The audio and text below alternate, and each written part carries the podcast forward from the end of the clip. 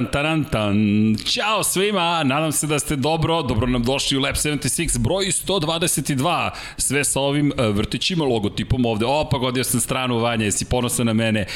Dobro nam došli, Paja se vratio, to je pravi naslov današnjeg podcasta i današnje emisije. Iako ste ga viđali pod kapicom, to je bila prosto njegova alternativna verzija, njegov doppelganger koji se bavi samo vaterpolom, ali gospodin Pavle Živković naravno tu za emisiju broj 122. Ćao, dobro veče i naravno, pošto se Formula 1 vratila, Vratio se i Deki, tako da Ćao, večeras Siki. svašta nešto Ćao, pa radimo Ćao, posle ove pauze na koju ni mi nismo navikli, neki su se previše navikli, neću vam reći ko je u pitanju, ali činjenica je da, jel ti prijela pa je? Hoćeš da lažem ili ne, molim te uvek iskreno. Prijelo, stvarno. Prijelo. Prijelo. Naš, Prijelo. nerad utiče, znaš, na, na jo, pozitivno ili kako? moždanih e, vijuga, telo se oporavilo, znaš, sve, znaš, drugi Spreman čovjek, si. drugi čovjek. Pazi, to... Još da nije bilo ovog olimpijskog zlata, znaš, ja bih potpuno onako mozak stavio Ali, ad acta. Vredelo je. Ne, pa, pa ka, pazi, ko sam ja da ignorišem olimpijsko zlato? Ne, ne, to niko nije mogao da ignoriše. To, to, Naproti, da to je čista radost bila. Čist. Svaki čist. čast. Bio je super intervju Hvala. sa Dekijem i, po, i za Saru pozdrav, novu, novu domaćicu. Novu domaćicu, tom, jest, Tako da bilo je to zabavno. Mi smo uživali, Deki i ja smo tako nešto svašta radili. Deki je, po Dekijeva injekcija energije sa vercijama je bila neophodna za jednu dodatnu emisiju. MotoGP standardno, lud, nadam se da si pratio. Jesam, malo. Trke. Trke. Da. trke.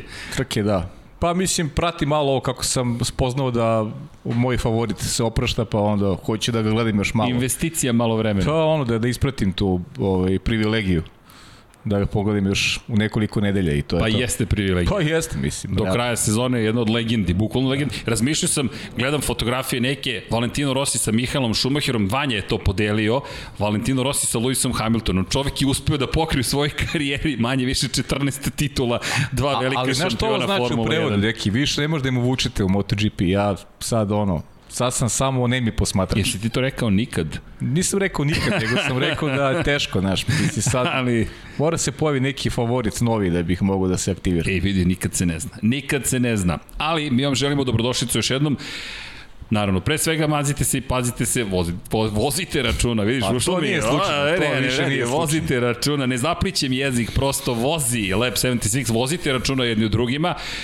Budite dobri, pošaljite 917 na 3030, pošaljite 917 na Human, ne, Human 917 na 455 u, ukoliko ste u Švajcarskoj, u svakom slučaju, gde god da ste, šta god da ste, uvek ista priča. Budite dobri, radite nešto pozitivno, zabavite se svakako, ali podelite tu dobru energiju, nadamo se da ćemo mi podeliti sa vama. Prošli put je bilo uzbudljivo, vidjet ćemo ovoga puta kako će biti runda 12 se pripremeno, pre što kređemo, krenemo sa rundom 12, da vam poželimo uh, lep kraj leta. Back to school, back to Formula 1, back to MotoGP, da citiram jednog od Twitteraša dupli vikend F, F1 MotoGP Evo, je to, to sjajan. Back, back to school ima da nam pobegnu sa, sa četa. ali, znaš šta kaže čovjek? Kaže, dupli vikend je sjajan ovako, ali je smrt za fakultet. Tako da, nadamo se da će ti dati a, sve razumem, ispite. A, razumem. Ali pred nama zaista uzbudljiv vikend i mislim da će biti fenomenalno. Ali, sad najzad smem da pričam, pošto počinje drugi deo sezone. Vanja, da li ste raspoloženi da prikažete neke od novih stvari? Da krenemo od svetskog šampiona, branioca titule i da krenemo od e, čoveka koji vodi u šampionatu, da idemo tim redom, pa pređemo na drugoplasiranog, pa onda odemo na legendu automoto sporta, onda ćemo ispričati još neke stvari koje spremamo. Ne sve, ne sve, još uvek nemam dozvolu urednika da pričam o svemu, Ali polako, je li tako? Nemam još uvijek dozvolu. Neke stvari moram da prećutim. Dobro. Vanja, udri. Ovo je čisto da vas obradujemo. Još se tu Brđa Bogdan bore sa mnom oko dizajna, ali ovo će biti nova majica Lab 76 za one koji navijaju za čoveka koji, čiji je, pa slogan možemo reći, it's hammer time. Nadam se da vam se dopada, ovo je oblik Čekića, ukoliko nije dovoljno jasno, to će brđe dalje da sređuje, ovo je bilo inspirativni jedan rad tokom, jedan rad tokom leta. Bili dizajneri na odmoru, pa super izgleda majice, stvarno. Ja mislim da je super. Ovo su inače zvanične boje koje odgovaraju i ekipi, mi nemamo pravo da neke stvari koristimo, ali snalažljivost je čudo, tako da se nadam da ćete kupiti majice, bit će ih još, kao što ćete videti, infinitylighthouse.com kroz shop. Od 1. septembra trebalo bi da krene međunarodne isporuke, od ta ćete moći da kupujete ove majice, stižu nam nove specijalne neke tkanine, to jest boje tkanina, nećemo još to prikazati, ali, ali nismo zaboravili ni one koji navijaju za Maxa Verstappena, pa samim tim imamo još jednu majicu, Ovo je iz Deadpoola, ali nadam se da neće smetiti. Max nema svoj slogan, pa smo mi iskoristili slogan koji pripada, jel te, negde drugde, no, nije zaštićen, trademarkovan, tako da, rekao je advokat, to je uobičajena izreka i to se koristi u javnom diskursu, tako da Max, Imum, Effort i opet Lab 76, boje prepoznatljive ekipe, ja bih rekao, naravno, molim vas, dajte komentare i u četu i kasnije u komentarima, posle ćemo da stavimo jednu anketu. I naravno, ne bi ovo moglo bez čoveka koji je pokrenuo priču koliko se sećate, pa pre koliko četiri nedelje sam pričao o ovoj yes, majici. Yes, Ovo je majica koja nam je pokrenula Mesec celo, dana, yes. tako je, celo razmišljanje. Vanja, možeš Tako je, leave me alone, I know what I'm doing. Tako da, u obliku kacige, inspirisana Jamesom Huntom na neki način, koji je inspiracija i Kimiju Rayconenu. I ovo ko zna, možda uradimo i u zlatnim bojama, u zlatotisku. Pričali smo danas sa Medonijem, sa ekipom celom, pa eto, ko zna šta će da se desi. U svakom slučaju, bit će zabavno. A, Primetio sam da nisam jedini koji te pažljivo sluša šta pričaš. zaista? Da, da, slušaju i drugi te prate ovi. Da, prat- prati prati- se, prati prati se šta pričaš, Lab pa da. 76, da. Ali ja ću nastaviti da pričam transparentno, mi radimo ono što volimo, mašta nam pr- pruža svašta, jel te, i što citiramo često Steva Martina, mašta, vaš motor, najvažniji, tako da nas to pokreće, eto, to je nekako zabavno, Lab 76, međutim, ima još jedno specijalno izdanje, kažem, bili smo vredni tokom leta, neki su bili vredni i ja se Ne, nadam... neki nismo. Nadam se da se dopada brazilski specijal. Kako vam ovo izgleda? I ova zastava nije slučajno iza mene za ovaj podcast, to je Vanja pripremio. Pa eto, ja se nadam da ćete uživati. Stiže nam ove žute boje majice, to je specijalno naručen kontingent da bismo dobili te žute bojice, a bit će još nekih možda razloga zašto baš Ja je uzimam samo, majice. samo kad skinem stomak. pa do, vozi, imamo i triple XL, tako da Ne, ne, ne. ne nema ne ništa može da brineš. Ne može žuto, mora da se dovedemo u red. Da se dovede, moramo da se dovedemo u red, ne, ne, značajno. Vanja, tvoja je žuta majica. Vanja, da, da nam organizuješ program i trening za, za voditelje Formula 1 podcasta i MotoGP podcasta. Tako je, Vanja. Daj, to, Budi, budi duplo koristan. od svih spomenutih podcasta jedino je Sara dovoljno vitka da možemo pričamo pristojno mi. Jeste. Tako, dobro, ali sve je to deo zabave. U svakom slučaju, eto, svašta nešto smo radili po tom pitanju i za one koji su pitali posteri, posteri takođe stižu, našli smo i kutije i pakovanje, tako da je sve spremno za jednu novu komercijalnu sezonu u Infinity Lighthouse-u. A, kada je reč o sportskim sezonama, o, stigo nam je, stigo nam je, hoćete da pokažem, Ivane, stigo nam je čoveče? pokrovitelj, e, e, Ivan Toškov, gospodin koji nam obezbeđuje i šta? Za sve one koji očekuju međunarodne pošiljke, ne zamerite što sam komercijalizovao ovaj početak, a, bela kutija je neophodna da bismo vam bilo šta poslali i tako, nije samo papiri, nego su i dodatni papiri. Ali ovo ćemo mi da izlepimo, da bude lepo brendirano. Tako da, Tako da je. znate, Ivane, Ne, preuzmi- Sare, preuzmi kutiju. hvala. Preuzmi kutiju, vreme je da počnemo sa...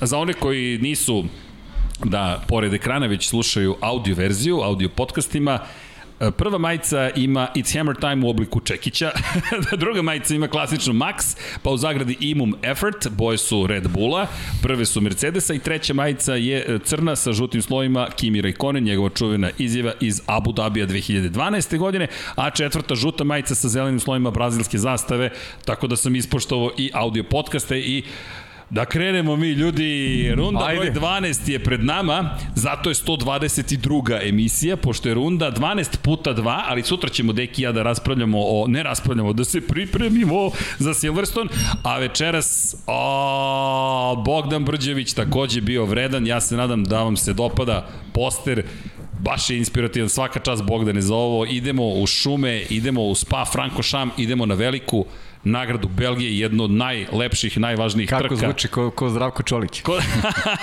Idemo u šume. Neki su i došli, ne baš iz šuma, ali A, dobro, sa da. poljana. A i to je u redu. Bilo je sasvim zabavno, tako je. A imamo još iznenađenja za večeras za vas, samo ću vam pokazati ovo, pa sad vi nagađajte šta će se večeras događati tokom ovog podcasta. Za one koji slušaju, pokazao sam upravljač PS5. Opa, ceo radijski prenos. Deki, tešće biti tebi i meni, nego... Znaš, Čini mi se, čini mi se. treba to iskomentarisati. ok, čekaj, i sada prve reči Dekija i prve reči Paje. Ljudi, iza nas 11 trka, 2021. nikad uzbudljivija. Završili smo s velikom nagradom Mađarske, pre toga velika nagrada Velike Britanije i jedna i druga kontroverzne, svaka na svoj način. Lewis Hamilton 195 poena, 8 bodova više u odnosu na Maxa Verstappena. Kada je reč o pobedama, četiri pobede Luisa Hamiltona, Pet, pobjeda, pet pobjeda Maxa Verstappena i jedna pobjeda Serhija Pereza i jedna Estebana Okona. Sergio Perez u Red Bullu, kao i Max Verstappen. Lewis Hamilton u Mercedesu branioci titule što u konkurenciji vozača, što u konkurenciji konstruktora. Esteban Okon za Alpinu i moram reći da Alpina odnela još jednu veliku pobedu, kakav krug u Le Manu, pred početak 24 časa Le Mana Fernanda Alonso u bolidu Formula 1, ono je bilo fuf, vatreno ispratiti i bilo je baš, baš uzbudljivo, ali Formula 1, kada je reč o samim stazi, velika nagrada Belgije, 7 dana kasnije velika nagrada Holandije, 7 dana kasnije velika nagrada Italije. Ljudi, 11 trka iza nas, imaćemo 14 već za dve i po nedelje. Potpuno neverovatan period je pred nama. Ja sam veoma uzbuđen. I da krenemo, Hamilton protiv Verstappena, bukvalno runda broj 12. Ljudi, da li uopšte možemo da predviđemo šta nas čeka posle ovog odmora, što ti kažeš, Vijug je bolje rade, kako li rade ekipama i vozačima? Pa prepustim ih reč uredniku, ajde, neka, neka, krenu, neka krenu od njega ovog puta. Neka otvori Pa da. zaista podcast. Pa, mislim, eto, ono, pred samu pauzu smo stvari imali uvertiru ono šta nas čeka posle pauze, tako da ovaj, on, ja se baš kako bih rekao, radujem ovaj, ovom programu koji sledi, sad jedino tu je onako malo, mala zadrška vezana za, za te vezane vikende, vidjet ćemo kako će to kako će to sve da, da ispadne, ali, ali generalno ovaj, verujem da, ova, da je ova pauza svima prijala, ovaj, iz razno raznih razloga, tako da mislim da da već sad u, u Belgiji možemo da očekamo onako baš, baš veliku dozu ovaj, zanimljivosti, tako da ono, ajde možemo da krenemo polako pa da pa da mm -hmm. da analiziramo da deo po deo. Pa, da, Velikoj da, Britaniji da. kontakt između Luisa da. Hamiltona i Maxa Verstappena na ulasku je od najbržih krivina u šampionatu sveta u Kops čuveni izletanje sa preko 290 km na čas multimilionska šteta 1,5 miliona dolara štete do nekle ošamućen Max Verstappen srećom neozbiljnije povređen, uništen taj njegov glavni bolid, dobio je novi na, za veliku nagradu Mađarske, ne znamo u kakvom je stanju, pošto je i on oštećen kada je Valtteri Bottas izgubio kontrolu nad bolidom Mercedesa i pokupio što Landa Norisa, što samim tim i Maxa Verstappena, što Serhija Pereza.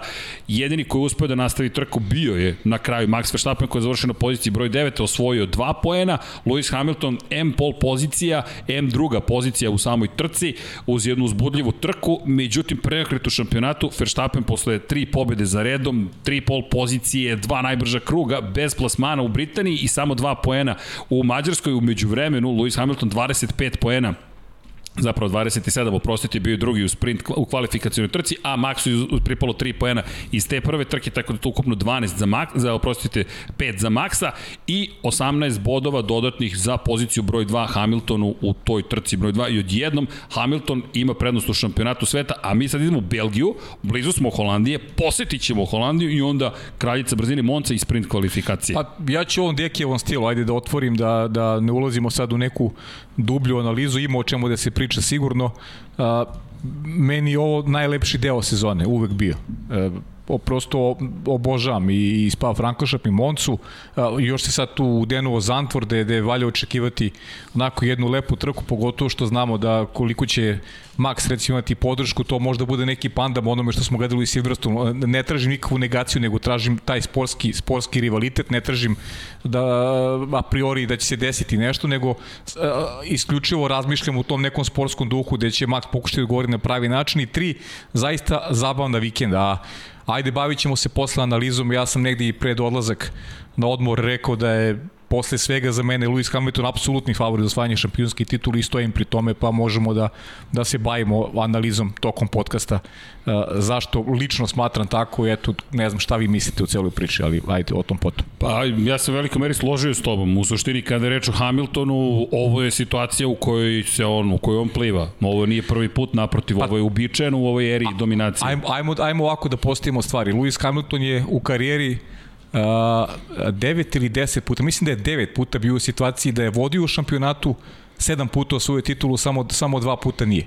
Max Verstappen prvi put se susreće u karijeri sa, sa momentom u kome je bio lider u šampionatu u nekom momentu, ne, ne posle prve trke, nego je bio lider u šampionatu nakon 8. 9. 10. trke, dakle to je već jedna dobra faza takmičenja, a ono što što je takođe, zašto se rukovodim tim, tom mišlju da je, da je Hamilton apsolutni favorit, da je, da je Max Verstappen sa tim drugim agregatom koji je koristio napravio najbolje rezultate i dominirao u odnosu na Mercedes. E, taj incident u Silverstonu će možda biti krucijalnog značaja po, po iskod cijelog šampionata. Znamo da koristi već treći agregat, znamo da ga nužno u neko skorije vreme čeka i kazna koju će morati da odradi, tako da Mercedes a da, da stavimo u stvari na prvom mestu je Lewis Hamilton koji je fantastičan vozač, neko ko koristi e, svoje prednosti maksimum na stazi, zaista jedan genijalan vozač što ne može niko da mu ospori. Znači u sve to što se dešavalo tokom sezone, Lewis je u momentu kada je Red, Red Bull bio bolji tim, on je otišao na pauzu sa 8 pojena prednosti. A da se vratimo u neku blisku prošlost, Mercedes je konstantno rivale masakrirao u drugom delu sezone. Uvek su oni bili ti koji su najbolje koristili ti tu pauzu mesec dana.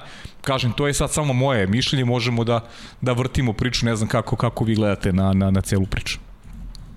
Pa vidi, ka, o, sve ovo što si rekao, to je to. Dakle, pritisak, ali sad je to pitanje na kome je pritisak, ja mislim da se sada vratio na Red Bull direktno. Toto Wolff je izjavio da je pritisak koji je izvršio nad Mercedesom i Lewisom Hamiltonom pomogao zapravo ekipi Mercedesa, da je zahvaljujući tom pritisku ona postala sada uspešnija, bolja. Međutim, mislim da još uvek nismo dobili konačan odgovor na pitanje koliko god verovao da Hamilton ima veće šanse i da ovo, da ovo slažem se sa analizom racionalno i dalje verujem da će Max Verstappen i Red Bull okrenuti ovu sezonu. Dakle, nisam kontradiktoran, samo prosto ovo je stomak. Zašto? Mislim da smo imali dve izuzetne trke. U kom smislu izuzetne? Izuzetne su i po tome koliko su bile uzbudljive, ali izuzetne u kontekstu toga što to nije uobičajena situacija. Da li će postati uobičajena situacija da imamo ovoliko incidenata? Nadam se da ne. Iako prva krivina, prva krivina u Belgiji, nažalost, ne obećava da ćemo izbeći incidente. Međutim, mislim da nismo dobili konačan odgovor na to da li Mercedes zaista sada nivo na isti nivo kao Red Bull. Kombinacija Hamilton-Mercedes, Verstappen-Red Bull. Imamo, dve nedelje nisu smeli da rade, dve nedelje su smeli da rade u fabrikama imamo sada taj period kao što si rekao kada Mercedes melje svoje protivnike. Međutim, Red Bull mi deluje kao da je rešio ljudi sad ili nikad. Mislim da je ovo jedna od onih situacija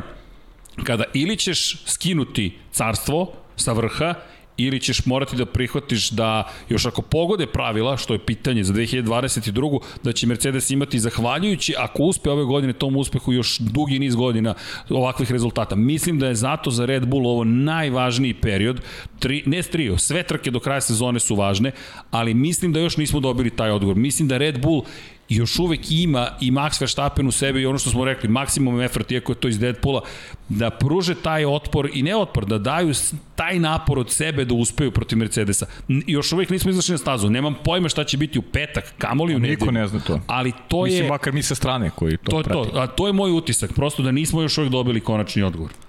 Pa, što se tiče Mercedesa, složio bi se o, o, s ovim što je Paja rekao, oni vrlo dobro znaju da, da, da slože svoje redove kad, kad je u pitanju pauza i, i da u, u drugi deo sezone zaista uđu maksimalno, a dodatni moment je ono što smo, što smo mi baš komentarisali prošle nedelje, oni su najavili izlazak iz programa Formule E, da, što najbolje govori o njihovoj posvećenosti za, za, za neku budućnost, da smo imali raznorazna nagađanja šta će se u stvari desiti i čemu će se Mercedes okrenuti.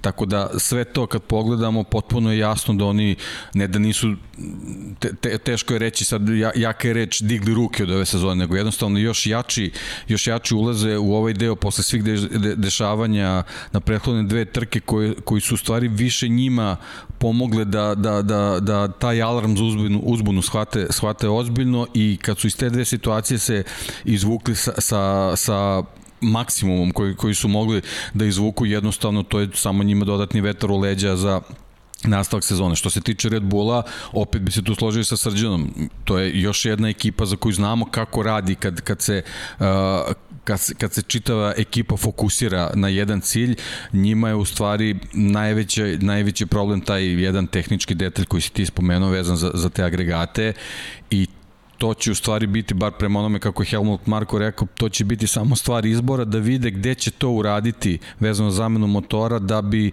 imali najmanju štetu. Kad su vikendi vezani, to je onako baš teška stvar gde trebaš da odlučiš da, da kazniš svog vozača praktično sa, de, sa 10 mesta na startu. Tako da Pogotovo... To je, to je jako velik ispit za njih, a uopšte ne sumnjam da sve ostalo uh, ti, uh, vezano za, za pripremu za natak sezone da će biti potpuno kompletno. To je, mislim da su ti agregati i kod Pereza i kod Maksa ovaj, glavni, glavni problem, mislim da im je to u stvari najveća glavoblja u ovom trenutku kad se odlučiti za taj potez i da li u ovoj situaciji krenuti u Belgiju sa, sa, sa starim motorima. Pa Deki, da. Kada pričamo o trkama, evo, velika nagrada Belgije, to nas dovodi do kalendara. Moramo da ubacimo u priču i ceo kalendar. Mi planiramo 23 trke ove godine, to je Formula 1 ih planira. Otkazana je velika nagrada Japana planirana za 10. oktober. Još ranije je otkazana pomerena velika nagrada Australije koja je bila planirana za 21. novembar. Još uvek stoji TBA, TBA, to be announced. Priča se da će u novembarsku, na novembarski datum doći velika nagrada Katara, da će staza Losail, poznata iz Moto Grand Prix šampionata, dobiti priliku da organizuje trku Formula 1, što negde se uklapa i u geografski kako idemo. 21. novembra Katar, 5. decembra Džeda i Abu Dhabi 12. decembra. Dakle, to odgovara Bliski istok posetiti, tri trke imati i još je nova staza. Dakle, nije ponavljanje već viđene staze, što mislim da svima odgovara. Katar ozbiljno lobira da to dobije iz marketničkih razloga, rekao bih da vrlo jasno imaš MotoGP. I biće zanimljivo, pritom staza je po svim standardima. Jeste. Homologacija homo, je na Tako da ono, može da bude zanimljivo doći na nešto gde nismo bili. Sad, pričat ćemo ako se to desi da li ta staza odgovara Jeste. Formuli 1, to je ali ok, pitanje. to je drugo pitanje, važno je da vidimo da li će da bude što to. I onda ostaje pitanje 10. oktobra. Zašto to napominjem? Velika je razlika ako se vozi 21 trka, Naravno. ako se voze 23 trke. I Red Bull sada i o tome mora da kalkuliše. I sad evo, dajmo, dajmo ljudi da razmislimo, na kojoj stazi da smo mi šefovi ekipe bismo rekli, ok, sada idemo na 10 pozicija kazne. Da li već sada u Belgiji? Ne. Ili čekaš Holandiju, pa mislim, ili čekaš Italiju, ili tek da. u nastavku sezone? Pa mislim da, da, da oni nemaju luksus to sad urade, upravo zbog toga što nemaju, imaju bodovni deficit. I ti sada da svaka nova trka sa bodovnim deficitom, to je veći problem, da se, da se vratiš u igru i da, da nadoknadiš ono što, što imaš kao za ostatak u odnosu na moćni Mercedes. I mislim da nije Belgija pravo mesto za tako nešto. Naprotiv, mislim da Max mora da uradi sve da Belgiju reši u svoju korist, znači pobedi Luisa Hamiltona. Znamo da to u prošlosti nije baš bilo lako. Uradio je to Sebastian Vettel nakon onog povratka 2018. godine. Jedna sjajna trka za Vettela koja je nagovestila mogući preokret u sezoni, ali on se nije dogodio, već u Monci smo dobili stvari e, onako u nekoj normali kada je Mercedes u pitanju i smatram da, da Red Bull mora da sačeka. Da mora da sačeka. Zandvor sigurno nije ta staza. Zašto? Zato što će tu biti, bit će tribine pune e, ljudi u naranđastom, tako da tražit će pobedu Maxa Verstappena. E, možda Monca u varijanti da Max ove dve trke uradi maksimum. Znači da Max bude maksimum, da pobedi u dve trke i da onda Red Bull sebi može da dozvoli tu vrstu luksuza da promine agregat u Monci. Gde mogu da nadoknade pozicije, realno, mogu da dođu i do podijuma čak uz neke dobre okolnosti, u stvari uz dobru vožnju Maxovu i na taj način da smanje štetu. Mislim da je ovo rana faza sada kad ima deficit od 8 poena, dva vezana triumfa Luisa Hamiltona, mislim da Red Bull ne sme sebi da dozvoli tu vrstu, to, to je za mene kocka i ne verujem da će to dogoditi. E, e, siguran sam da Red Bull želi da na početku drugog dela sezone bude maksimalan i da ćemo dobiti ono što je Srđan rekao, odgovor na pitanje koliko je realno Mercedes uh, se približio ili je bolji u, odnosu na Red Bull, mada smo te naznake mogli da dobijemo u, na Hungaroringu gde je Lewis Hamilton bio sjajan u kvalifikacijama, gde je odvezao jednu perfektnu trku, tako da mislim da, da je Mercedes definitivno mnogo bolji nego što je bio s početka sezoni i da je Red Bull propustio priliku da u prvoj fazi godine napravi veću razliku e, u odnosu na Mercedes i da sa većim samopouzdanjem dočeka to, ali onda u tu čitavu priču moramo da ubacujemo faktor sreće koja, koji definitivno nije bila na strani Red Bulla u, u, u nekim situacijama. Ovo, ovaj, tako da uh, za čitavu ovu kalkulaciju vezano za Red Bull potrebna je ovaj, Sreća. sreća. Jednostavno da među te Jeste. naranđaste navijače i sreća sedne malo i da, Jeste. i da, nešto, i da nešto promeni, tako da a, mnogi faktori su uključeni u, u njihovu kalkulaciju. Mislim da će im jako važno biti i u Belgiji i posebno u Hola- Holandiji koja je generalno malo i nepoznanica i za nas i za njih. A, taktika vezana za pit stopove, a znamo da je, da je Red Bull u tome dobar i moraju da igraju i, i na tu kartu posebno vezano za osetljivost agregata. Tako da ima tu mnogo elemenata, glave, glava je sigurno bolela ovaj, sve inženjere i i taktičar u Red Bullu ova dva, ova dva što Srđan kaže, dva, dve nedelje koji, koji su mogli mm -hmm. da rade, tako da verujem da su se dobro pripremili da je Pazi, ono... cenim, izvini da ih je glava bolela i Da, tokom ove dve da, nedelje od zvaničnog nerada da Tako su je, da, razmišljali da, šta sigurno su morali razmišljati i verujem da postoje verzije, ono, čitava abeceda iskorištena sa, sa, sa slovima koje sve verzije postoje za, za, za sve tri trke praktično. Da, voleo bih da vidim taj Tako algoritam. Da, to je, to, desi ovo, to pa bi bilo, da, da, da, to je da. sigurno, sigurno ozbiljna, ozbiljna matematika bila. Red Bull poslednji put je ovde pobedio s Danielom Ricardom 2014. godine. Pre sedam godina. Od tada Lewis Hamilton, Mercedes, Nico Rosberg Mercedes, Lewis Hamilton Mercedes, Sebastian Vettel Ferrari, Charles Leclerc Ferrari i Lewis Hamilton Mercedes. Opet u eri hibridnoj nije savršen rezultat. Red Bull je pokazuje još sa Red Bull Renault, Renault kombinacijom šta može da postanete 2014. Ali zanimljiva strategija, inspirativni Daniel Ricardo kao mlad vozač koji konkuriše Sebastianu Vettelu za, za, za poziciju broj 1 u timu. Hamilton, evo i pogleda, četiri pobjede ima na ovom mestu, Kimi Raikkonen ima četiri, ali Kimi praktično pet godina, Raikkonen Davno beše. 2004. 5. 7. 6. se nije ni vozilo i 2009. dva put s McLaren Mercedesom, dva put s Ferrarijem. Hamilton u poslednje vreme, to jest od 2015. tri pobjede, ukupno četiri, uključujući jednu 2010. godine. Tako da za Red Bull ne možemo baš da kažemo, ok, Belgija, u super, dolazi Belgija, to je mesto gde će dominirati. S druge strane, ne možemo da kažemo ni Zandvort jer nemamo predstavu šta će kome odgovarati i s treće strane idemo u Moncu koja je prilično odgovarala Mercedesu prethodnih godina.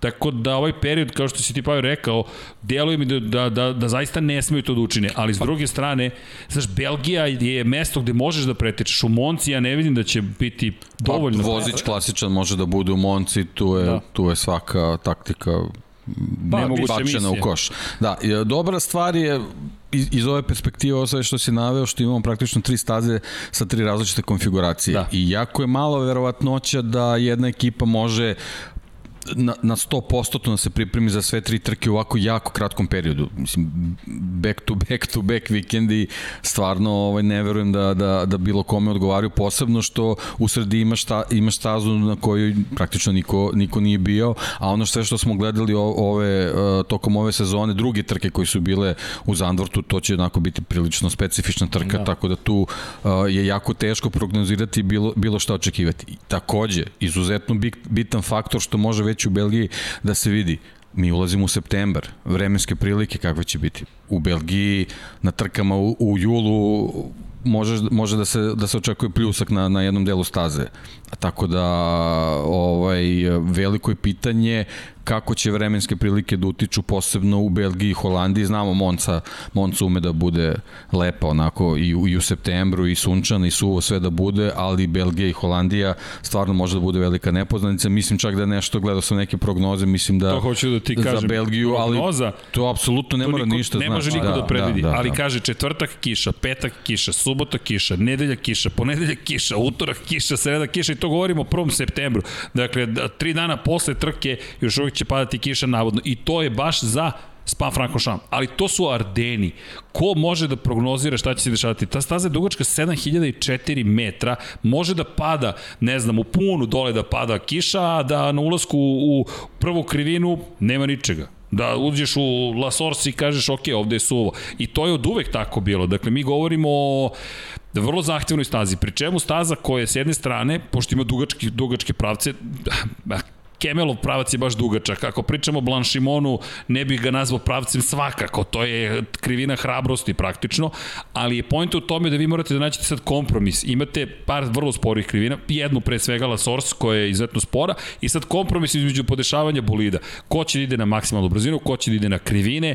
Sektor broj 2 je fenomenalni, jedan od najlepših sektora, zato je Belgija toliko popularna i sve to sad je kombinacija kako u svemu tome uspeti. Pri čemu, ako pogledamo prošlogodišnje pit stopove. Ako pogledamo prošle godine kakva je bila strategija, da li to uopšte može da pomogne? Kada pogledamo da je kiša, ne znam, da li, da li to uopšte može da se traži bilo kakav odgovor. Kažeš, ok, broj pit stopova biće taj i taj.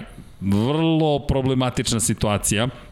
I generalno Belgija je jedan od onih tehničkih baš ozbiljnih izazova, tako da nisam siguran da li Vanja, imamo možda od prošle godine pit stopove i kako izgledala strategija. Dakle, kada govorimo o strategiji, ovo je ono što znamo. Pogledajte ovo, pa- preslikano.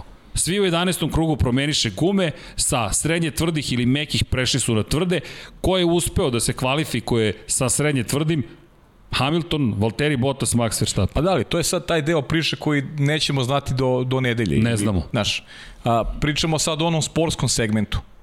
Sportski segment priče da Red Bull ne sme da dozvoli da ima veći zaostatak nego što je to sada pred odlazak u Zandvoort. I ja se, ja se rukovodim tom logikom, da Jasne. ti moraš od starta pokažeš zube, moraš da vratiš ono što si imao u prvom delu sezone, a bit će mnogo teže. Biće mnogo teže i mislim da Max mora da uradi najbolji mogući posao ukoliko želi da ostane u Da, ali ono, bar ako, ako smo nešto iz ove sezone zaključili da njemu nedostaje motivacije ni ne, milisekundu u bilo kom trenutku. To, to je tako da, sigurno. Da, to je ono što je Srđan spomenuo, pobeda uh, Red Bulla i Ricarda je bila na, na tu Ricardu motivaciju Bukvalno, i, jest. i, i njegovu želju za tim, a sa Maxom se definitivno ali, vidi deki, da, da oni to imaju. Će, da. Ali kakav će stav Red Bulla biti ukoliko Lewis Hamilton pobedi u tri naredne trke? To je, to je sad već... To je da. stav Red Bulla, da. pripreme za 2022. Da li ti da. onda udaraš do kraja i posvećen si maksim ovoj sezoni ili kažeš ok, ajde da mi uradimo ono što treba da uradimo za 2022. godinu. Znači, Red Bull je bio u povlačenoj situaciji do pre dva trkačka vikenda.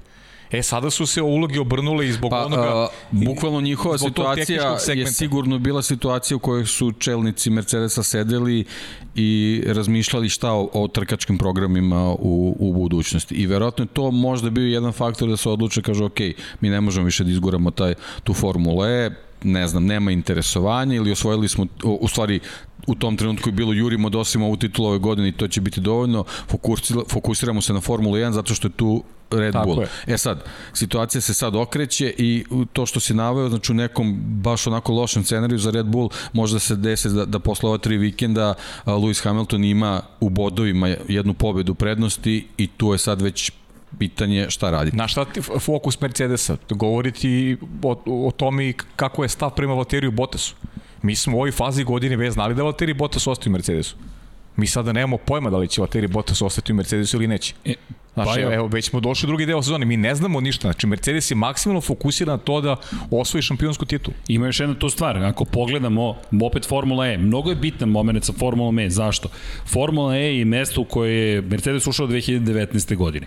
Završila se sedma sezona organizacije Formule E. I svi smo verovali, ok, to je ta investicija. Možda će čak Lewis Hamilton da ide u električnu formulu. Onda je Audi Izvini, rekao... kada su izašli iz DTM-a, ušli su u Formulu E. Tako je. I onda je Audi rekao, ej, mi završavamo svoje učešće, prošle godine su rekli, mi završavamo na kraju sezone broj 7. To se upravo dešava. BMW je rekao, mi napuštamo Formulu E. Mercedes je rekao, mi naredne godine napuštamo Formulu E. Nick de Vries osvojio čovjek titulu. Šta ćemo s njim? On je bivši šampion Formule 2. To nije bilo koji vozač. Taj čovjek sada ima dve titule, dva veoma značajna takmičenja i vozi za Mercedes. Što opet otvara priču. Ok, stavljaš možda Georgea Russella, a možda nećeš staviti Georgea Russella, možda ćeš staviti nikada je Vrisa. Zašto?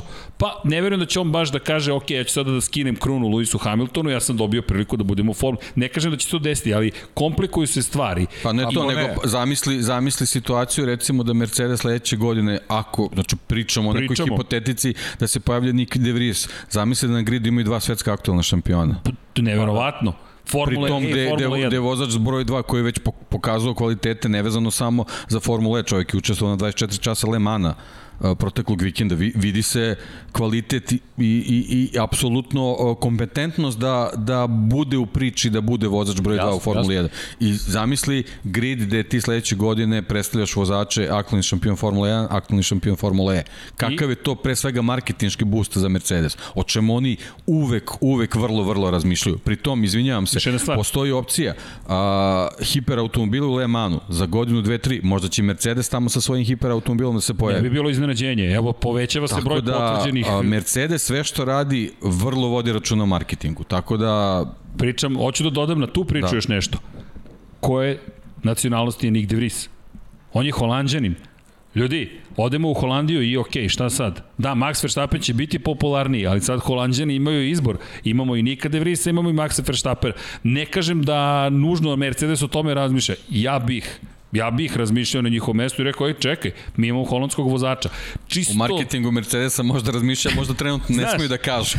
što, ali, pa dobro. Ali razmišljaju, jer imaju sad neki drugi problema, ovi, ovi drugi što razmišljaju o, o tehničkim stvarima, tako da... Ali meni se to slaže. Sigurno, sigurno se neke niti traže. I sad u tu komplikaciju, da, otvara se priča o Valteriju Bottasu, koji ne znamo gde će, priča se o Alfi, priča se o Williamsu, mnogo je tu priča. Da, nešto aktualnije sad u Williamsu Williams, u posljednje vreme, ali, ali misli da ono što je fokus, nećemo skoro ni saznati. Verovatno ne. Zato što, pa, zato što Mercedes nema potrebe to da radi. Kroz istoriju Monca je bila. Monca, Monca, Monca, Monca je pa dobro, Monca, ali ja mislim da, da više za druge ekipe Monca, ali opet zavisi čini mi se da da Mercedes je ima fokus na osvajanje titula i da To se slažem. Da da tu uopšte ali, ali do Monca imamo, da znaju. Do Monca imamo dve trke, a to je 10 dana. 10 dana.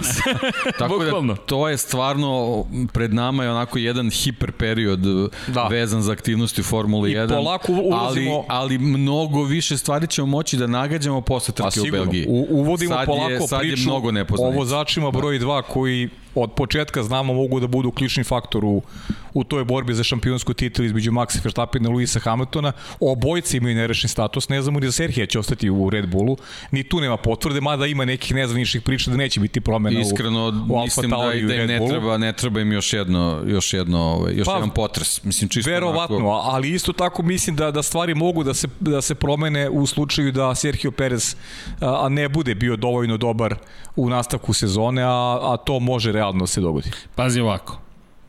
Sergio Perez od svih do sada je najmanje loš za ekipu Red Bulla. Pa da, ali... Najmanje loš za ekipu Red Bulla. Misliš o svih do sada uz Maxa Verstappena, tako je. tako? Zašto bi ali isto tako Red Bull rizikovo? nikad nije bio bolji u eri Maxa Verstappena nego sada. Da, ali zašto s toga ja mislim da će Sergio ostati? Zašto bi menjao sada Serhija i fokus dodatni? Ti onako moraš da se fokusiraš prvo na to da se ove godine izboriš sa Hamiltonom i Mercedesom da Verstappenu omogućiš da bude šampion sveta. Jer to menja sve. Šampionska titula Maxa Verstappena bukvalno menja sve. Menja poredak u Formuli 1. Toliki je ulog. Ovo nije samo Max Verstappen, ovo je ulog budućnosti Formule 1. Jer jedno je osmostroki šampion sveta u Mercedesu, a drugo je novi šampion Formule 1 u Red Bullu, prvi od Sebastijana Fetela. Ti si sada na krovu sve. To menja kompletnu sliku Formule 1. A da li smo razmišljali, razmišljali da postavimo stvari na drugi način? Šta želi Sergio Perez? Da li njega zadovoljava još jedan ugovor na godinu dana sa Red? Da ide?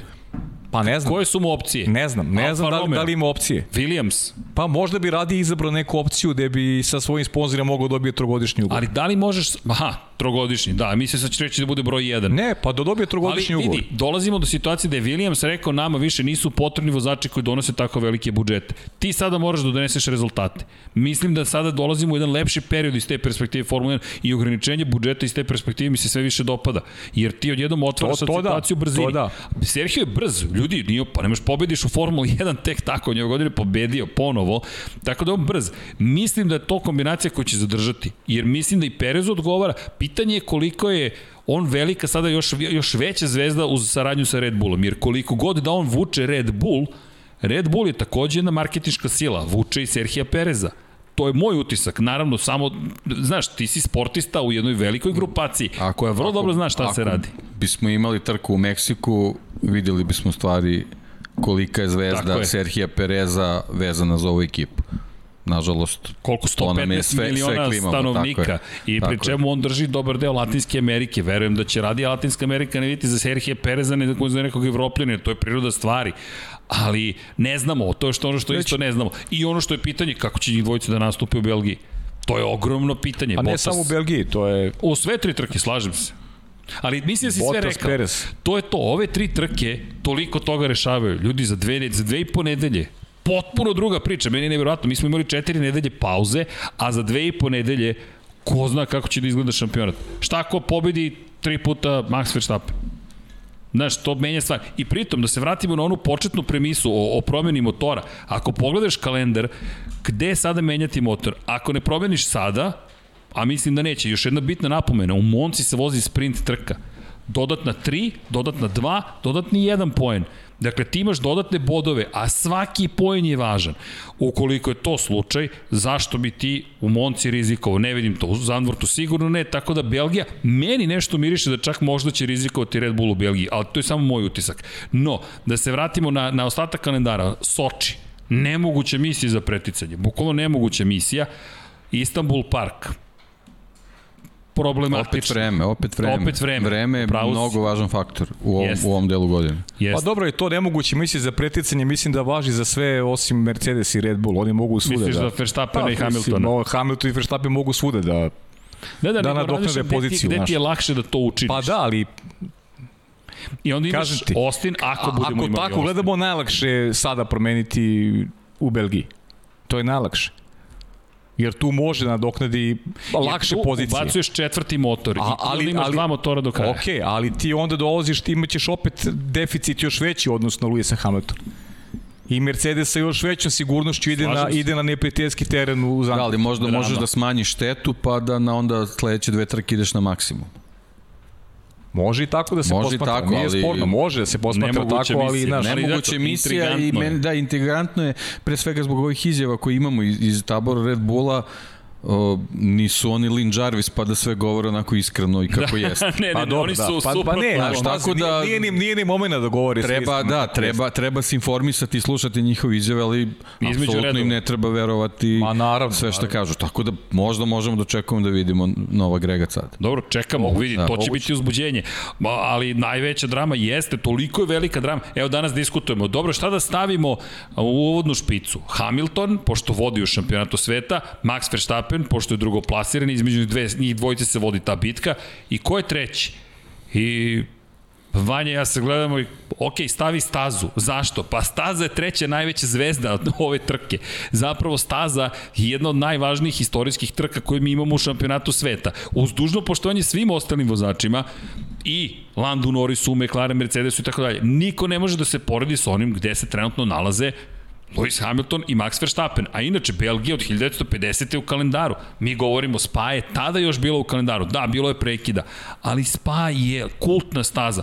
Bilo je promena, bilo je staza koje su dolazile, evo, staze koje su najviše puta bile deo F1 karavana, standardno ekipa Momčilo Vukić i Vanja Milićević, Monca 70 puta, Monaco 67 puta, Silverstone 56, Spa Francorchamps 53, govorimo o zvaničnom šampionatu sveta. Nürburgring 41 put. Ljudi, to su kultna mesta koje se posvećaju. O Monci da ne govorimo, samo jedne godine nije bila domaćin i, i to kada je Imola dobila da bude organizator velike nagrade Italije. Ali to su ta mesta koje kada dođeš i postiš istoriju mirišeš, tako da je to, do, da je to treća zvezda i bit će zanimljivo vidjeti u spa šta će se desiti. Ali da ne zaboravimo ostalo u šampionatu sveta, da ne zaboravimo da tu se ozbiljne bitke vode. Da, bitka između Bottasa i Pereza je bitka zapravo između Hamiltona i Verstappena, budimo realni, to je ta bitka. Pa, Nema druge, za njih To- to dvojicu nema to. druge.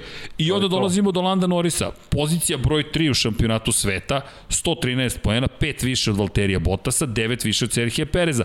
Prvo odustajanje, kako smo ustanovili da je drži rekord sa 15 uzastopnih osvojenih bodova, to je 15 trka uzastopnih u kojima je osvajao poene, dođe smo do toga da je eliminisan tuđom greškom, sad ti je nekako Marfiv zakon se javio, niti Norris, niti Bottas, niti Perez nisu stigli do cilja, ali pre svega Norris koji tri puta već stavio na pobjedičkom postolju šta može McLaren ovde da učini i da li može opet da se uključi u neku ozbiljniju bitku. McLaren deluje sve bolje i bolje. Daniel Ricardo koji se dalje muči s prilagođavanjem McLarenu je rekao njegov plan je koliko bude i bio u mogućnosti, da se nađe u poziciji, najboljoj poziciji da se 2024. bori za titulu šampiona sveta. Mislim da planiram mnogo unapred, ali ok, drž, ili 2023. Pa to, to možda bude, možda bude lepa odstupnica ovaj, na račun ovih loših vožnji ko, s kojima se suočava ove godine. Pa znaš kako, le, lepo, lepo smo, čisti mikrofon. Lepo smo ovaj konstovali, zaista je teško ovaj, ovo je možda najteži podcast koji radimo ove godine. Jeste, šta da kažeš sada? Zato što prosto ne znam šta da kažeš. Pauza od mesec dana, svi smo nek, nekim iščekivanjima, možemo eto, nešto da, da naslučujemo samo. Eto, da, Znaš šta da, možemo uvijek da kažemo? Znaš, Udrite like. Udrite like, da. udrite like. Ali ljudi, zaista, kogod da sluša, evo, molim vas udrite like, to i te kako pomaže u celoj priči. Ja bih volio da se nešto promenilo u odnosu na taj prvi deo sezone, da vidimo, da vidimo sad neki napredak, jasni napredak. Koga? Pa ne znam. Ferrarija? Fe, pa ne znam. Ferrari koji se muči s visokim brzinama. Pa jeste, ali, ali, znaš, da, muči se, baš se muči. Ovde su imali lepe rezultati i 18. i 19. teško da mogu da, mislim, uopšte ne razmišljam o tome da mogu da pobede, ali, ali da budu konkurentni McLarenu biće sigurno konkurentni. Ne mogu pa ništa evo. protiv Mercedesa i protiv Red Bulla. Pa ovo je neko drugo vreme, 18 pobjeda Ferrarija, 14 McLarena, 8 Lotusa, 7 Mercedesa, 4 Alfa Romeo, 4 Williamsa. Govorimo o nekoj statistici iz nekog drugog vremena, ali Ferrari, čisto da se ne zabori da spomenemo ponovo dve pobjede u hibridnoj eri i to od Kimi Raikkonena nisu do Sebastiana Vettela imali pobedu. Međutim, Ferrari danas, danas smo baš radili GP Confidential i baš je bilo priča o Ferrariju. Pri niskim brzinama, koliko su, do, koliko su dobar posao uradili, ponašanje bolida je potpuno drugačije do 200 km na čas i preko 200 km na čas. Zašto? Tako su konfigurisali bolid i prednje krilo je tako napravljeno da zapravo dok je ispod 200 km na čas, kako prolazi kroz zakrilca, kako, kako strujanje vazduha ide preko nosa na bočne delove, elemente i formiraju se, upravlja se praktično vrtloženjima koje za zatvore pod i stvori se zavisnici, o tome smo pričali, protok vazduha i ta depresija koja se stvara polje niskog pritiska ispod bolida je vrlo efikasna i bolid je stabilan, ali kako dođu na dve, preko 200 km na čas, povećanje pritiska dovodi do toga da vazdušno strujanje ide toliko visoko da zapravo aerodinamička efikasnost postaje vrlo, vrlo niska. I taj downwash, odvođenje na dole vazduha, gotovo da prestaje da funkcioniše kod Ferrarija. A mi idemo na jednu od najbržih staza. Ja, ja ne vidim uspeh za Ferrari u toj celoj pa priči. Da, pa, Tehničko ograničenje pa postoje. Pa kažem ti, bitka sa McLarenom, opet šta možemo drugo da slučajimo, u najboljem slučaju, da. Ja negde zaista mislim da će McLaren na kraju biti bolji od Ferrarija u šampionatu konstruktora. Lando Norris mi pre svega nagoni na, mislim, onako, postiče me na, na, na, na takvo razmišljanje i verujem da će Ricardo do kraja godine biti konstantniji. Mislim da se, da se McLaren bolje snalazi na tim različitim konfiguracijama staza, da Ferrari prosto na tim sporijim stazama uspeva onako da se da se nametni i da bude da bude onako uzbudljiviji svojim navijačima, dok McLaren ima potencijal i da i na tim bržim stazama da, da dođe do, do kvalitetnih ostvarenja. Tako da McLaren vidim tu u prednosti. Šta će biti zaista u, Belgiji teško je predvidjeti. Čekamo prve treninge da imamo šta otkriće nam mnogo toga. Da, pre, trening broj 1 za početak će biti onako lep uvod da vidimo nove dijelove, ko je pa šta smisli, šta testiraju. Zato jeste uvek interesantan je taj drugi deo sezone, taj početak. Belgija je tu onako specifična jer, jer otkrivamo onako možda i neke nove stvari i ulazimo u jedan uzbudljiv, u jednu uzbudljivu fazu. Ja bih volio da, da snage budu izjednačene, da, da Red Bull možda parira Mercedesu. Viš kako se promenila percepcija gledanja realno dve trke šta su radile da, da je Mercedes, ja zaista Mercedes vidim kao onako izrazitog favorita za osvajanje šampionski titul. Baš izrazitog. Zanimljivo. Zbog, ja, svih, zbog svih okolnosti, zbog ja svih okolnosti dalje, koji prate. Znaš. Ja i dalje mislim da Red Bull može da prosto uzvrati udret. Ako pogledamo kako izgleda grafika, na primjer, kroz sezonu, kako je to, o, hvala, to je volim za mene, hvala. Vode za tebe, da. Lep 76 voda. E, šolje još ne, e da, par stvari. Neko je tražio, čekaj, šta si mi napisao, Vanja? Nisam. Vukadžić, pozdrav, 250 dinara donacije i kaže, hoćemo kačkete, dobit ćete kačkete. Čak i Dom Pablo tu i potvrđujemo za kačkete. Vratila se ekipa s kojom... Ljudi, čim stignu juli, avgust, uspori se taj moment. Svi mi imamo neke te odmore. Neki od nas imaju i duže odmore iako ne primeću uopšte moj prst. Da, da, da. Ali dobro. Ja se izvinjam, ovaj, malo, malo je moralo da se... Ovaj... Ma šta se izvinjavaš, Pajo, pa molim te, pa mora da se odmori, pa šta ti? Još prošli put je bilo uzbudljivo, ej, bilo je baš onak, znaš ko mi je dostao? Sila pomirenja. Šta je bio? A, Dejan Potkonjak. A, misliš onaj naš podcast prošli?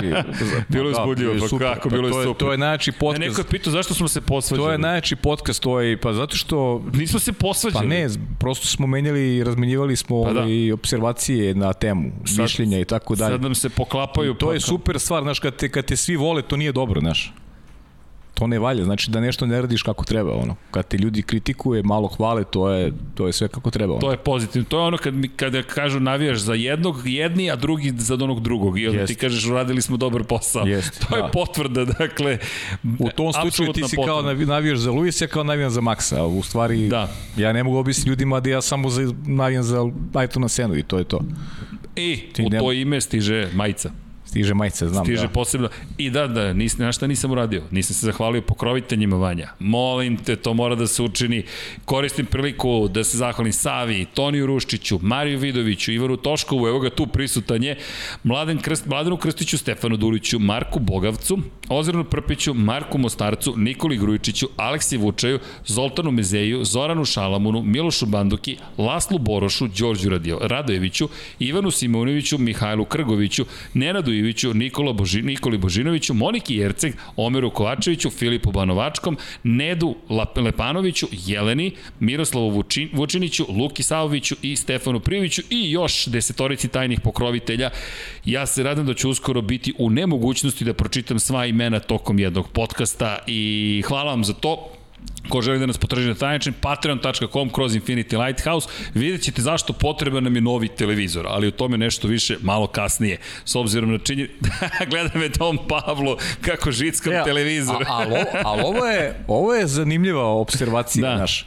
Uh, ti imaš u Monci kao, imaš u Monci, pazi ovo, dek, imaš u Monci kao kvalifikacije si u sprint trk. Da. Tako, ali to je trka. Tako je. A možeš menjaš motor za tu trku. Uuu, to mi nije palo na pamet, to je odlično, ali čekaj, koji startuješ onda? O, čekaj, čekaj, sportski pravilnik. Sportski pravilnik. Sporting regulations. regulations F1, pa sad sprint trka. Dobro. Čekaj, sprint. Sprint. Da vidimo, ko je to postavio pitanje? To je uh, Muhamed Hajdari. Muhamede, odlično pitanje. Strašno Hvala. pitanje, da, zato se i mora prekinem ovaj da, da se odmah na to nadovežem. Sjajno Čekaj, da vidimo sportski pravilnik 2020, da vidimo najnoviju verziju. To uvek morate da vodite računa, pošto nikad ne znate kada je izašla novija verzija. Ok, sportski pravilnik, sprint, da nema sprint regulation, ok, ovo će biti interesantno. Ok, moramo da saznamo nešto više o tome, samo da vidim. Regulations, ovo je... Jer ti imaš kvalifikacije, tako? Imaš kvalifikacije i onda ideš u sprint trku. Jeste. I promeniš motor za sprint trku i ideš dalje. I, I voziš sutra, sutra voziš sa novim motorom. Ako je to pravilnikom dozvoljeno. Imaš dve trke za vikend. Okej. Okay, da, ali, ali prva trka su kvalifikacije. Pra, da, ali... Ti dobiješ kaznu starta za trku kvalifikacije nisu trke. osvojiš pol poziciju, Osvojiš... ne, a, ali da li je, ne, to su sprint kvalifikacije, sprint nije trka. Nije trka. Da, da. U pravu si, deki. Plus 10 se računa za trku. Mislim, proveri, nisam, nisam siguran, da, ali ja sam ima smisla, da. Sprint, je, sprint su kvalifikacije, to, to, to nije ima, trka. Ima, ima smisla u tome. Dobro, nešto da proverimo, u svakom slučaju hvala, odlično pitanje. Pa da, dobro, mislim, Pazi, znaš, odlično pitanje. Pazi, ti imaš u stvari kvalifikacije za sprint kvalifikacije, ti imaš u stvari duple kvalifikacije. Jeste. I to će biti u Monci, ne znamo sad, na, trebalo bi u Sao Paulo da bude treća trka ove godine, sa, ali to je dosta daleko. To je zaista dosta Dobro. Monce, Ovo je sada, Monce je blizu za dve nedelje. Vrlo ozbiljna priča. I da, apropo Ferrarija, pošto smo tu bili, da ne, da ne zborimo, Carlos Sainz mlađi, zahvaljujući trećoj poziciji u Mađarskoj, tri pojena više trenutno ima od Charles Leclerca, 83 boda nasuprot 80 bodova Charles Leclerca, tako da Ferrari ima dva izjednačene vozača po broju bodova, što iz perspektive šampionata konstruktora može da pomogne. Može da stvari učini uzbiljivim, mada verujem i dalje, ono što si ti rekao će Norris pa, zapravo prelomiti stvari. Da. I onda imamo Pjera Gaslija koji najzad je došao do, posle one treće pozicije Azerbejdžana do pete pozicije i najbržeg kruga. Neko je pitao zašto Toro Rosso, to je zašto Alfa Tauri pomaže Red Bullu. Pa ne nužno, da pomogli su posredno svakako oduzivši najbrži krug Lewisu Hamiltonu, ali oni nisu izgubili poziciju, oni su ostali, Gasly je ostao peti, samo je dodao sebi Pomogu još jedan poen. Tako je. Što nije mala stvar, tim jednim poenom se izjednačio sa Danielom Ricardom, ali pošto ima jednu treću poziciju ove godine, je ispred Ricarda na poziciji 8 u šampionatu vozača. Što nije mala stvar.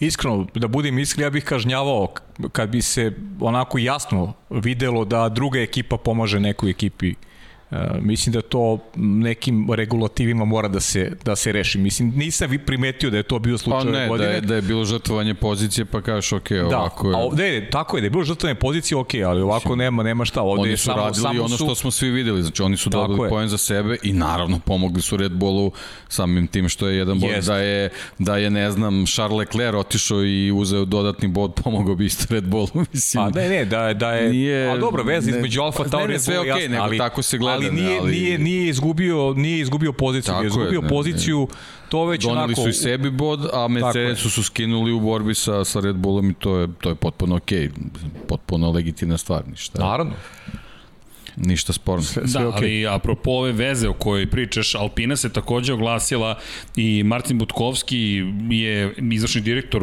zapravo Alpine je rekao da očekuje od Međunarodne pomorske federacije od FIE da proveri da li postoji kolaboracija između suparničkih timova na razvoju bolida za 2022. godinu.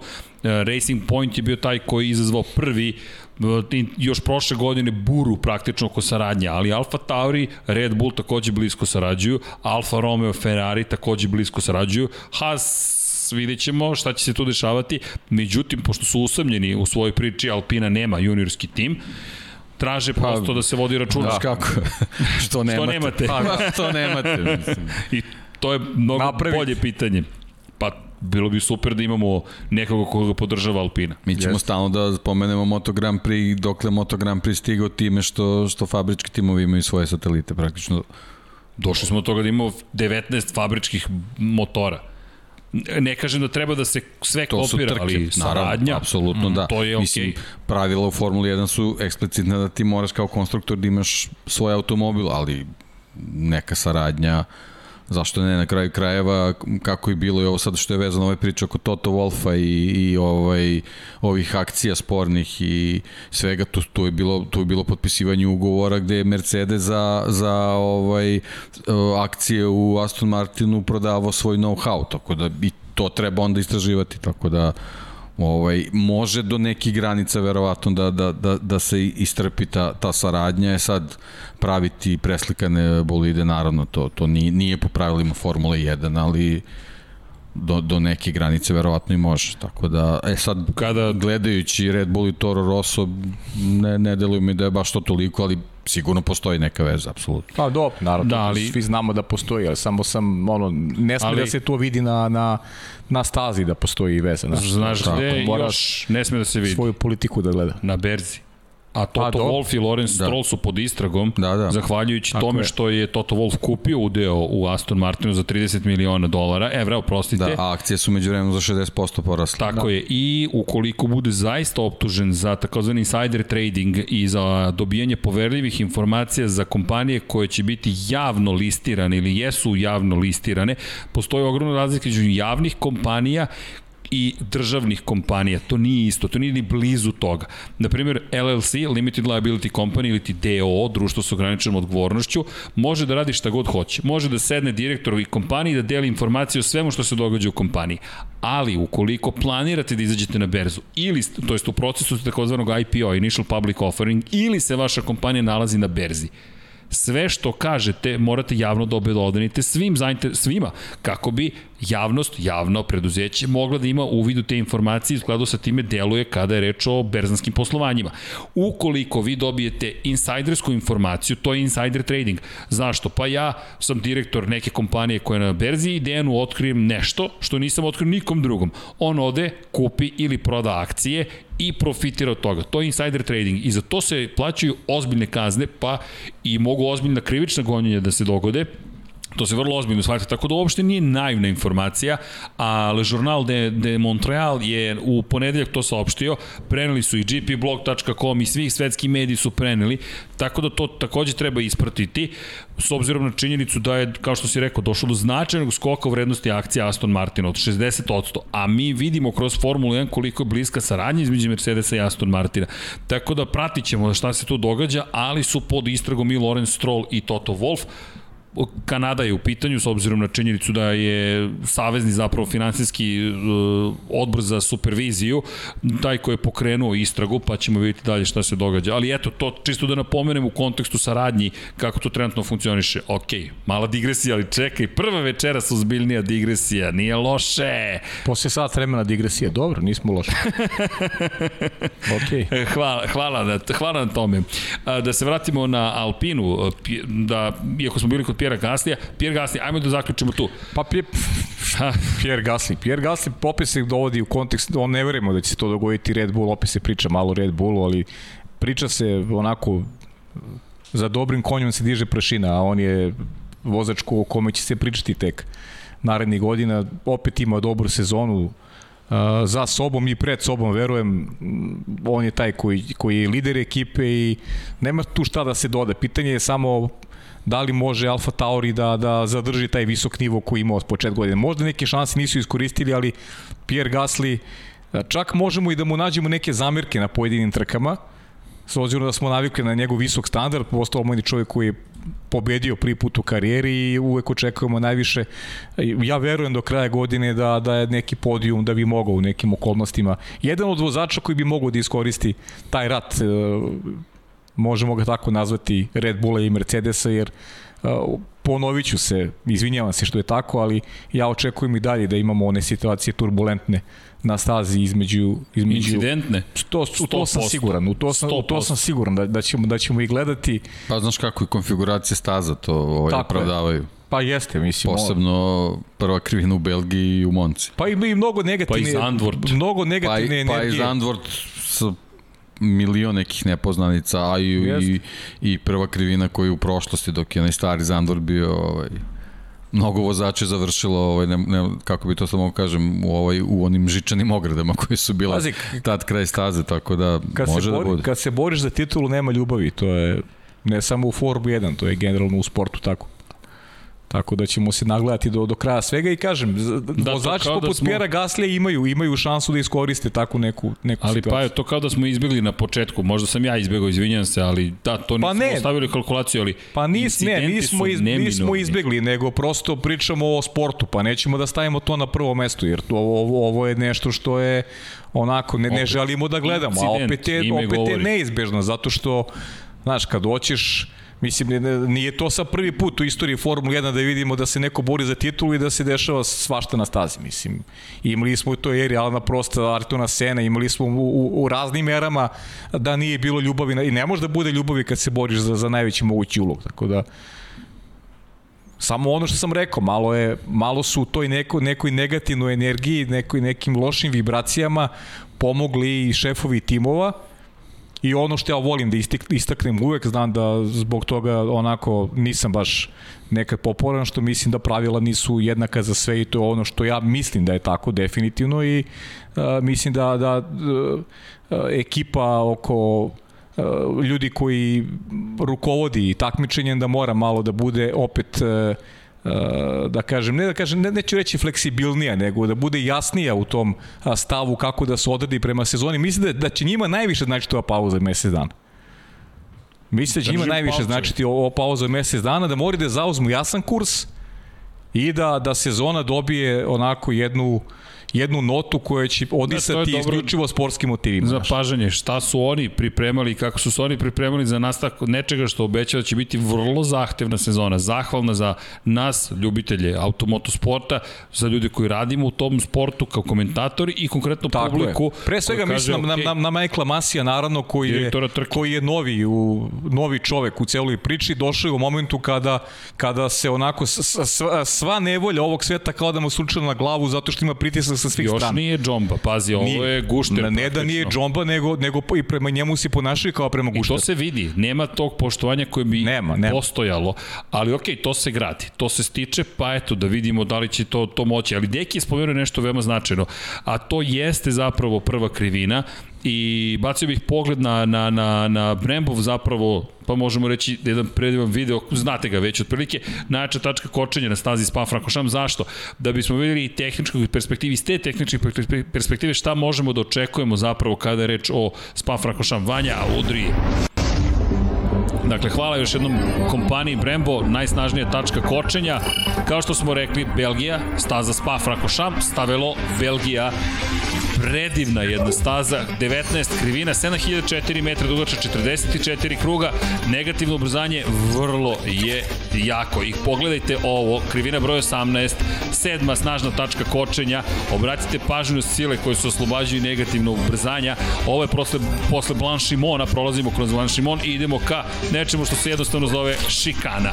Zaustavni put 134 metra, 2,78 sekundi koče, 207 kPa opterećenje na kočnicu, maksimalno negativno ubrzanje 5,9 cijela zemljine teže sa 333 na 94 km na čas. Impresivno i kao što možete vidjeti oslobađa se 2889 kW energije. Neverovatna krivina broj 18, a potom dolazi krivina broj 1 gde ćete ući u drugi, treći stepen prenosa, ne verujem baš u prvi, ali staza koja traži od vas ozbiljno umeće, vidjet ćete kasnije kakvo umeće, ali činjenica je... Ovo je najjače. A, najava, reci, je pa, jesi spreman? Spreman da misli da komentariš? Tako je. Ajde da vidim da se vratim u taj mod. To obećavamo Ali već... neću bez Dekija, neću bez Dekija. Naravno, na, na, pa kako bi... biće, biće to uzbudljivo. Deki se već smeška, vrlo mod... Znaš kako i...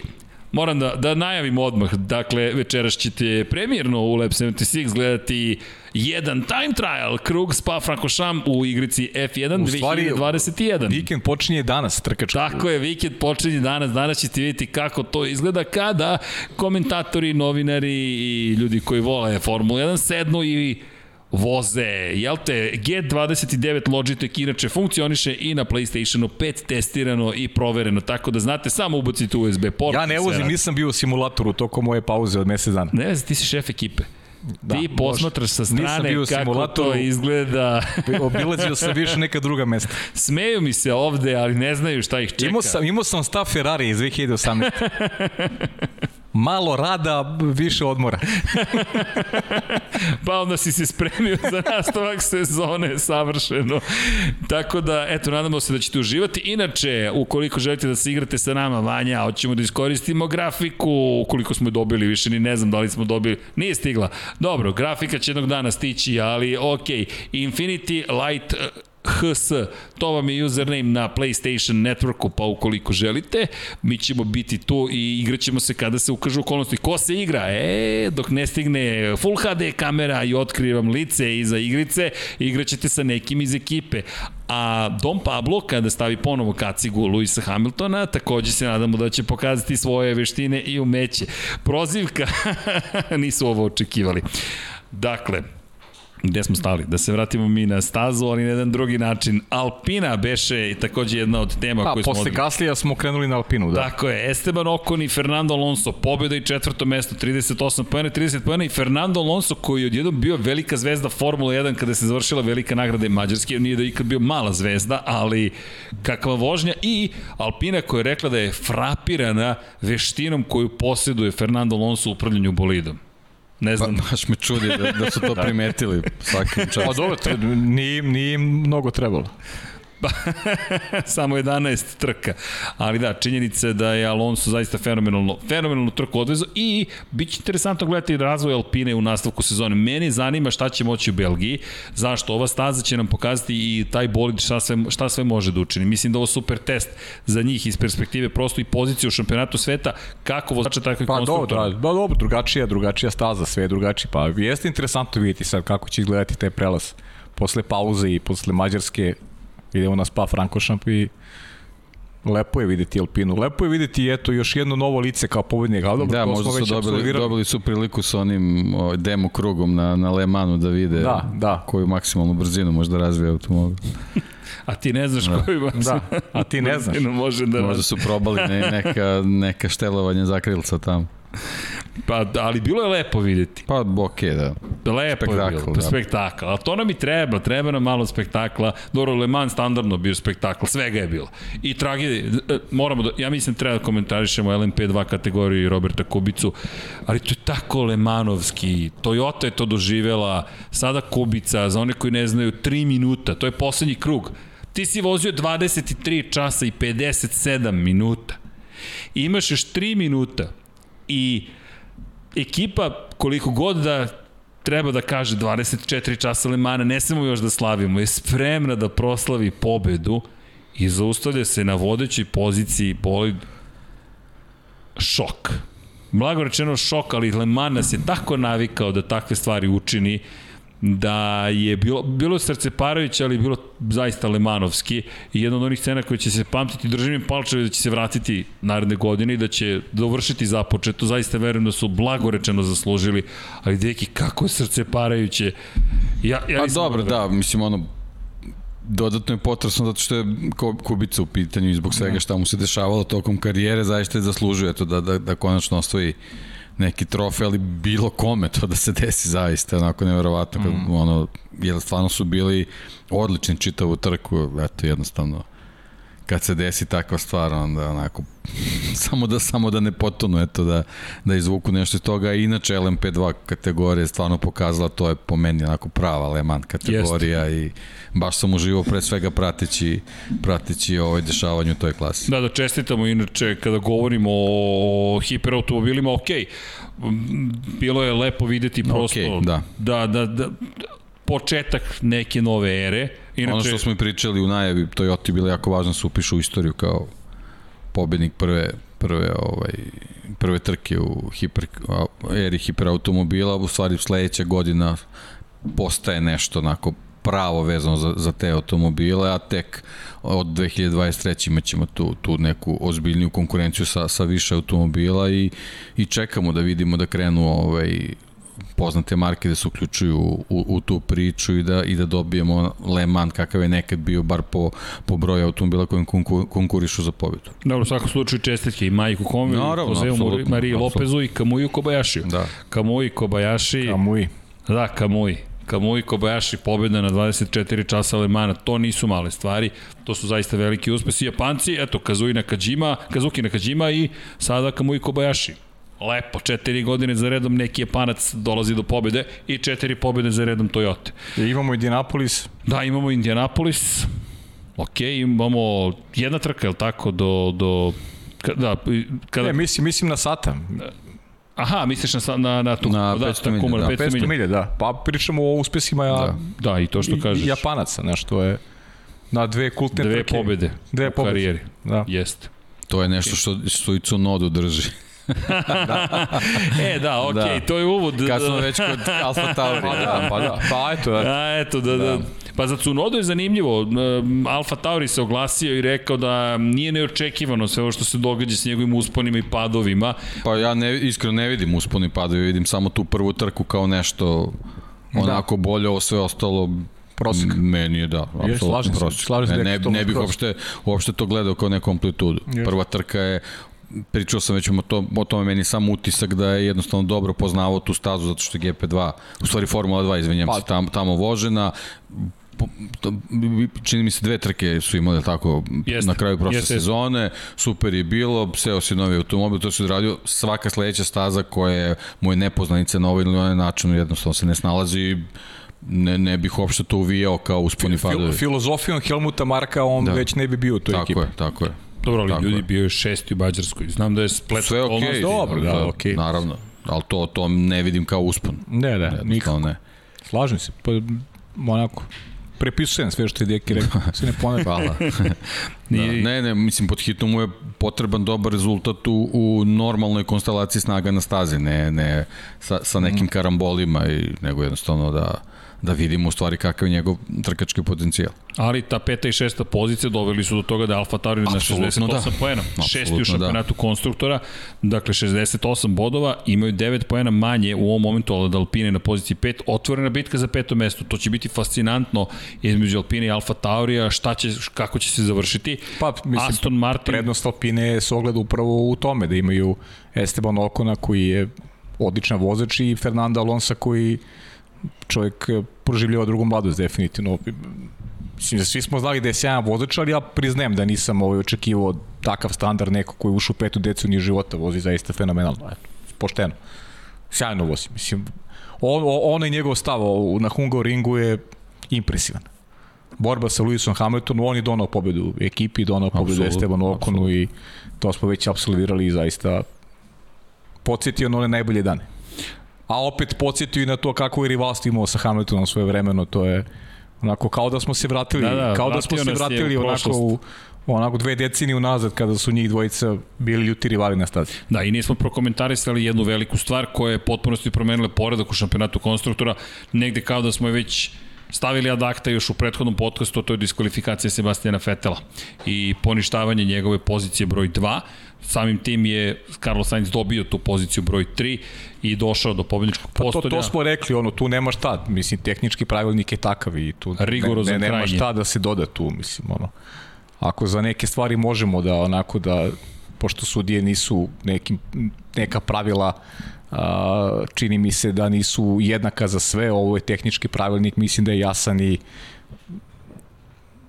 mislim, znaš, kako bih ti rekao, a, koliko je mogo Sebastian Vettel da nadoknadi to je veliko pitanje, znaš, u onakvoj trci. Pa, Ali je pravilnik takav i, i to je jest. to, mislim, li, lično mi je žao što se to dogodilo Sebastinu Fettelu. To je 18 poena, to je... Ne samo 18, nego to je to još, još, jedan, razlika. još jedan podijum u ovoj sezoni. Znaš, to je fenomenalno. Posle svega onoga što smo pričali iz početka godine, koliko nije ličio na sebe, on, on sad vozi, vozi sjajno i ovo bi bio veliki zamajac ekipi, ali prosto Ne znam, ja, ja dobro, ne, ne šta brzi, dodam, realno. Situacija se otvorila, brzina je bila tu, iskoristili su, idemo na stazu na kojoj je pobeđivao. Znaš, Aston Martin, hajmo da vidimo da li, da li može ovaj drugi deo sezone da bude uspešni. Konačno, to je neki novi početak, to je ono što smo stavili u naslov. Jednostavan je, Formula 1 se vratila.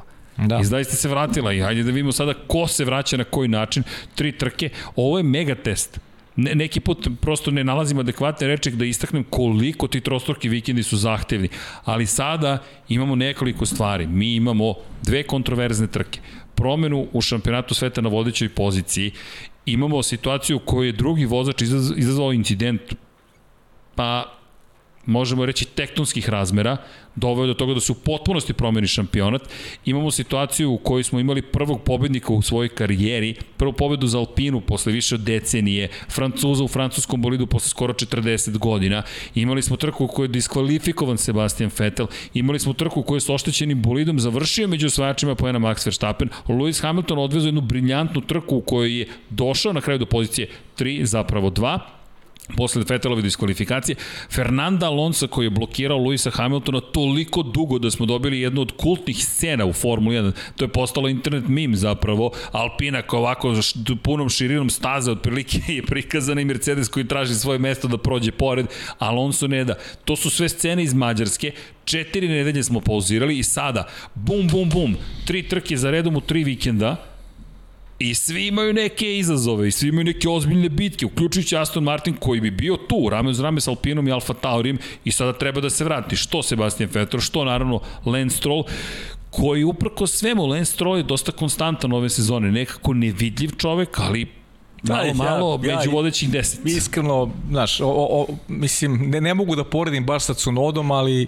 meni izdanja Lensa Strola Pa znaš kako, nisu zadovoljavajući za takvu sezonu ekipu. se vidi, ima staze koje, koje mu leže, ima staze koje, na kojima se ne snalazi i to i sezonu sezonu tako. Just. A to, ono, Formula 1, toplo, hladno, ne trpi. Ne, ne, ne samo što ne trpi, nego jednostavno tvoj nekako rating ne može da, da se pa sazida ne, on, na osnovu on, on, toga. On je, do, on je dos, dosegao da. neki maksimum, to je to. Da. I sad, mislim, ajde da bude malo, malo grublje Eto, to zvuči, nije, kažem, sreće, on, tata može to da protežira i dalje. On u Sočiju nije imao sreće, ali... Fetel je tamo imao, onda ovamo je napravio glupost, Vettel nije imao sreće, to su sve neke stvari u konačnom zbiru kad se bereš, jednostavno ne, ne doprinosi ekipi na, Ništa, na prosek. adekvatan način, da. Prosek. Dopisuju se ovde sa mnom, pitaju me nešto. Isključio se Sony PlayStation, ne brinite, tražim kako ću da ga pokrenem, a da se ne pokrene muzika Formula 1, pa da nas onda banuje YouTube, zato što je zvanična muzika Formula 1 se čuje negde u pozadini. To ćemo nekako da rešimo, nemojte ništa da brinete. To ćemo sve, sve ćemo to da izvedemo. U svakom slučaju, kada govorimo o e, dnu tabele, pošto moramo da ispoštujemo i taj deo priče, tu je najzanimljivije zapravo pitanje ko će da vozi za Alfa, Rom, Alfa Romeo i za Williams i naravno Sledeće godine misli ko će Sledeće, da da, vozi. Je, to, to je najzanimljivije. To- To, je ne. zanimljivije nego od toga šta će biti ove godine. Pa da, ove godine Neće biti toga, ništa. Alfa Romeo gotovo da je nevažno šta će učiniti. Inače, sutra, u jedva to čekam, moram da vam kažem, s obzirom na, na, na činjenicu da je da je da će biti prilike da da čujemo neke od vodećih ljudi Alfa Romeo zatvoreni e, zatvorena konferen kom, pa nastup javni u pitanju gde ćemo čuti Alfa Romeo koji su planovi za budućnost. Frederik Vaser govori kako je sve više sponzora, kako je sve ozbiljnije, kako je njihov prosto hajde da kažemo njihov strateški njihovi strateški potezi dovode do toga da će to biti jedna od najvažnijih ekipa u narednim godinama. Ok, velike reči, smejem bi se ovde, drage kolege, ali ljudi, Alfa Romeo nije slučajno ostalo u Formuli 1, tako je to vrlo interesantno. Agresivno jurenje Valterija Bottasa, činjenica da odjednom to izjednačavanje budžeta može da ih učini konkurentnim, nekako otvara stvari i naravno Williams sa Jostom Kapitom, koga stalno spominjemo, koji postaje vrlo, vrlo, vrlo interesantan. Šta će biti s Georgeom Russellom, ne znamo. Zvanično Nikola Latifi trenutno uspešniji vozač ekipe Williamsa, da ne zaboravimo i to. To nije mala stvar. Negde Nikola Latifi kaže, izvinite, ali ja sada imam, Imam papir. više poena. Ja imam Tako, imam papir. papir. I Pa pečat na papiru. šta pa ozbiljno. Pa dobro, ali, ali bez šale, stvarno je ozbiljnije, je, mislim, priča generalno šta će biti sutra sa, sa te dve ekipe, jer ove godine opet može da bude tih nekih incidenata koji će da ih promoviše kao A, svača generalno se poene. tiče Williamsa ogromno olakšanje što su konačno stigli Pa tih jesu, bodova. naravno, to je, jesu. I to, to je ono što ih je baš mučilo, da. vozača, Tako da sad ćemo vidjeti kako, kako funkcionišu kad je malo ono, relaksiran ranije priča. Pa tako je. To Pa, ćemo da vidimo. Sad, sad to. bukvalno ni jedan ni drugi ne moraju ništa da jure spektakularno u tom smislu, nego jednostavno samo, samo trebaju da se potrude da doteraju bolide do, do cilja. Trka, eto, iz razno raznih razloga može da bude zanimljiva i nepredvidiva. I pazi da- napredak, je mogu da budu osmi Da. šampionatu konstruktora što donosi i veći i više novca i, i mislim da bi bili jako zadovoljni da se to dogodi da kraja. Možda samo Alfa i možda im pokvari te planove ukoliko Kimi Rekonen ili Đovinaci dođe do nekog značajnijeg rezultata, što nije nemoguće do kraja godine opet uz neki, nekoj specifičnoj trci da im se namesti da, da, da ostvare tako nešto, ali zaista mnogo interesantna tema i verujem da ćete sutra vas dvojica ako ta konferencija da će biti u nekoj ranijoj fazi, moći ćete malo da, Da, da, da da. prenesete utiske ovaj, vezano Osvrnut za... ćemo se sigurno. Sigurno, da. Pa, kažem, osvrnut ćemo se, ali ima, i meni je ovo sa Alfa Romeo zaista zanimljivo. Pa upravo to, upravo sa Alfa Romeo, to i pričamo. I, i zato, zato kažem, kada je reč o tome šta će se događati sutra, koje to, šta ćemo sve to čuti o budućnosti, oni su sada deo jedne velike grupacije. To je, Pa, to, mo, mo, možda, Možda će Alfa Romeo u Formulu E. Pa ne, da, možda, možda saopšte, možda saopšte, možda saopšte vozače za narednu godinu. Ko zna? Ko, pa, Mislim da je rano i mislim da. Alfa Romeo mi nekako se vezuje za Moncu. To je Alfa Romeo je Monca. Pa moguće. To je da. okej, okay, ali A od ovog čoveka zavisi, ovo, ovo je Da, knjiga, da. tu ti je knjiga pored. Zavisi da od Kimije šta će on, da li, da li želi dalje da vozi ili planira penziju. Velikoj meri je tu leži ključ. Pa nisam siguran da, da, da će čak i ukoliko želi da ostane baš Ne uraće Frederik Vaser ovaj, da kaže, ej, ti idi sada. Da, dobro, generalno bojice, ali tako, koliko se sećam, njima ističe ugovor na, na kraju. Ističe ugovor, Ja, da. ističe Ističe I mu- njemu i O, Đovinaci. I Đovinaci, obojici ističu Da, ugovor. tako da, da, to je to je onako mesto gde mnogi vozači to merkaju. Jeste, Ja videli, videli smo to je posebno posle ove priče da da da Formula E polako izlaze ekipe, mnogo tamo kvalitetnih vozača ponovo traži neku priliku. Deki, pa malo imamo timova da. za koje znamo čije postave znamo. Da, da, da smo sigurni. Da smo sigurni. Da smo sigurni, Ti imaš da. tu Ferrari, imaš Ferrari i McLaren. McLaren i imaš Alpinu. Da, i Alpino, I stvari, Alpino. da, da. I to je da. to. Da, gde je Alonso rekao da želi Pa da, da, uđe u novu Alonso- eru pa sa bolidima. Alonso ostaje sigurno I, a posebno sad, to- posle to je ove to. priče, to je to. Ti To ostalo, to. ostalo Da, su, da, da. imaš Ali- nepoznanice, imaš nepoznanice u Red Bullu, u Mercedesu, imaš uh, imaš Da, ništa nije cementirano. Ništa nije Ništa, cementirano. Alfa Tauri. Alfa ta isto. Nije, da. nije Isto, cementiran. Pa nije, nije cementiran. Ne, McLaren Honda, jeste, Honda odlazi, apsolutno Cunoda, nije to više sigurno. A koliko momaka iz. Formule 2 već, već supka i čeka da, da uđe u Jeste. priču. Jeste. I šampiona da- drugih kategorija. Tako je, i šampiona drugih kategorija. Što da, otvara da, opet da. za ekipu Williamsa vrlo interesantne neke stvari. I uvek imamo one otpisane asove koje spomenjamo Hulk. Niko. Hulk, Niko slash Kvijat. Hulkenberg. Nemojte Kvijata da zaboravite, Dani on je, on je u u igri. priči. On je u O, priči. i, a pazi, Da. da. Kvijat postaje sve ozbiljniji vozač s godinama.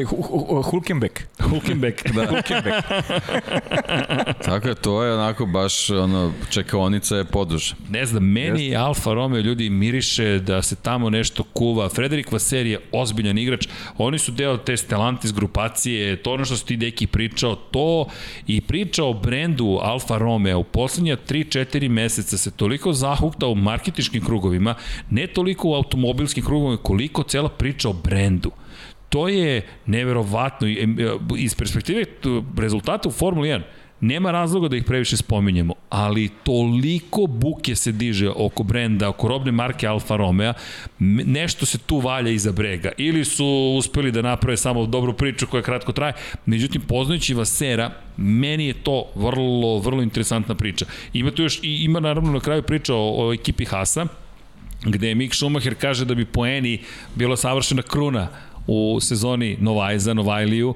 Nisam baš siguran da, da tome mogu da se baš previše nadaju, ali da, bilo Pa bi jedino, lepo. jedino da odustane jedno 16 automobila. Pa to je ravno pobedi Panisa u, u Monte Carlo. to je, da. I više od toga. I više od toga. I više, i više od toga. toga da. Olivije Da. i imao bolid i sam, uvek, naravno sve su ozbiljni vozači, ali činjenica je da je da je, da je Panis bio u ekipi koja je, koja je imala putanju. Prosti kasnije otkupio taj tim, Ližije je zaista bio tim sa jednom ozbiljnom reputacijom. Haas još nije stekao reputaciju, ali okej. Okay bilo bi lepo da se desi. No, kada je reč o ekipi Hasa, ja bih iskoristio ovaj trenutak da uvedem jedno pojačanje u ekipu Hasa, ukoliko se slažete. Misliš na onog gospodina Ercega? Tako je. Tako je. Danas su mi rekli izazov, ukoliko želiš da voziš, morat ćeš da... Vanja, nam živ sistem? Koliko, kako stojimo sa... Koliko misliš sa da voziš, mora kupiš nove patike. Tako. to je zbog toga. Ne proziva mi da sam kupio nove patike samo da bih vozio prvi put u Lab 76. Kupio trkačke patike. Čekaj, jel staju u kadar? Staju. Pa to je to. Eto. Jumpman. Neka, neka, okej. Okay. Šta ne vidi se? Logo se ne vidi. A to zove košarkaš. Opa, vučem kablove. Opa, i kablove, pertle, ma je. Kablovi, sve je povučeno. Bo veži Znate pertle, veži pertle. U audio podcastima a, rekao mi je Vanja mogu si da kupiš i boljih patike. Jumpman Air Jordan, ali dobro, kad izađe na teren, pa kad ga Čiča dobije na distancu. Vanju, Vanju, kladim se na vanju. Ok, ali čisto malo zabave radi, ipak i dalje traje avgust, pa da iskoristimo to. Rekli su mi danas, ukoliko voziš spa, morat ćeš da voziš kao predsednik ekipe Haas. Ok. To je moje insistiranje. E, insistiraj, Vanja, možemo da bacimo samo da, da uđemo u igricu nekako to, Vanja, Infinity Lighthouse, tu smo F1 official game i tako dalje i kaže play now, tako da press options button.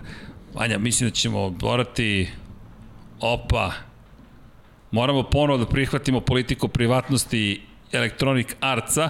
Nemojte ništa biti, a Paja je u kadru, ali Paja se sprema za, Zašto?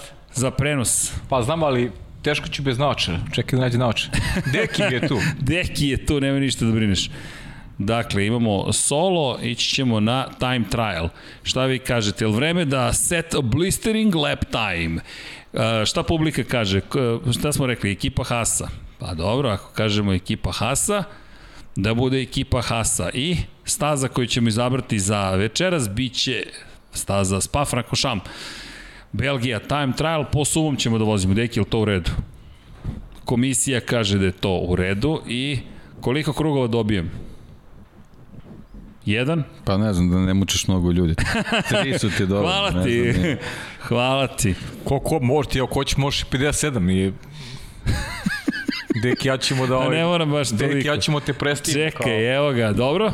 Kao Evo, velikog je da, talenta. da zamenimo pozicije i da vam pokažemo zapravo stazu. Nadam se da ćete komentarisati La Source, Stavelo, uh, Camel Pravac, Camel Pravac, Oruž, Camel Trophy. Raidilion i tako dalje i tako dalje.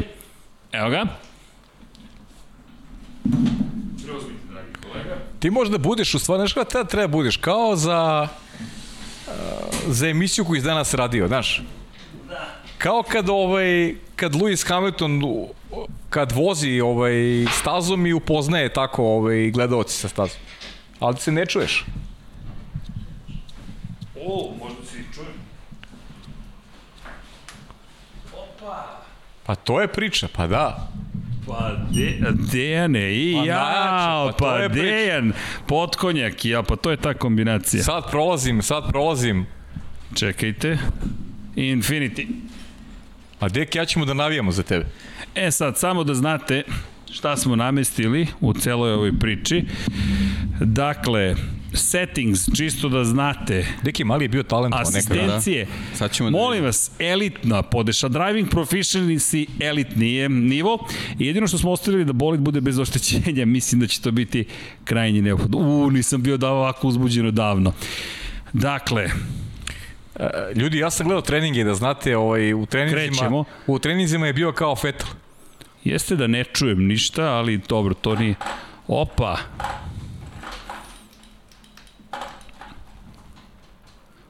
Pričaj malo ljudima. O, čekaj, čekaj, čekaj, čekaj. A, Izvinjam se, možemo samo kratka pauza da dobijemo zvuk ovde. Mislim da će mi biti neophodan.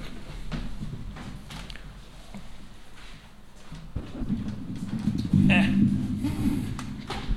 E, vi ne čujete zvuk, ali ja se nadam da ću ga sada čuti. I dalje nema zvuka. Ali dobro. Mogu ja to i bez zvuka.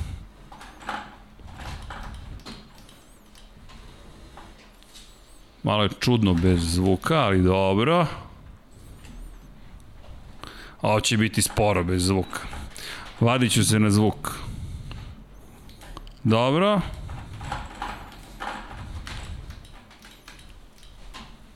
Da li može Haas nešto naprije na ovoj čuvenoj stazi Ja, u dobro. rukama velikog talenta Srđana Nije Ercega? baš veliki talenat, ali dobro. Ja se nadam pre da će 30 biti... godina je pokazao da on može da ume Da će vam biti tamo. Ono je tamo Ghost eh, koji sam vozio kada sam se pripremao za ovu stazu. Tako da će se vaditi na ovo. Ovo je Kemelov pravac. U, zaboravio sam DRS da uključim. To je onaj moment. Zašto mi niste podsjetili da imam DRS? Ne, teško je bez zvuka, definitivno. Ne, bez zvuka je nemoguća Da, da. misija, ali nema veze. Dobro, postoje ovaj vreme podešavanja, tako da verujem da sledeću emisiju da će biti Da, to sve kako treba. Dobro, nije toliko loše bez zvuka, a ovo je baš čudno bez zvuka. Ne mogu što da shvatim šta treba da učinim. Dobro, ajde. Ali super je grafika, moram priznati. Grafika baš je okej, odlična. Da. A Luis, da li gledaš ovo? Da li ti se trese sedište? Inače, ovaj puhon će, mislim, biti jako ključan za trku, posebno ako bude loše vreme. Dobro. Ovo je Boži u četvrtom stepenu prenosa, ovde sam pogrešio, ali dobro. Dešava se. Oh, ovde je mala greška, dobro.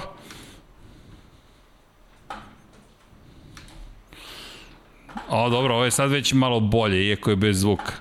Pa dobro, ja se nadam da mi je i dalje zabavno makar, ali nabavestit ćemo zvuk sledeći put. Mislim da kroz Black Magic prolazi zvuk. Rešit će to. Vanja. Va, Vanja je genije. Opa, izvinite. O, ovde sam baš pogrešio. Siđoh sa staze. Pa poništiše mi krug. Okej. Ništa, ideš u novi, ajde. Mogu još jedan? Može, naravno. Hvala. Dobro. Pa evo da ne kažete, A prošli ne put, žurimo nigde. prošli put smo probali. Mada, neko se ovde, neko je ovde obećao da će ovaj, voziti sa mnom sledeći put. Ko je običao? Pa, jedan gospodin, opa, Deki. jedan gospodin, Evo, Erikson na delu. Pa, Erikson na delu. Jesi primetio? Ne, ovo je Mazepin, ovo je baš Mazepin. Kaže Vanja.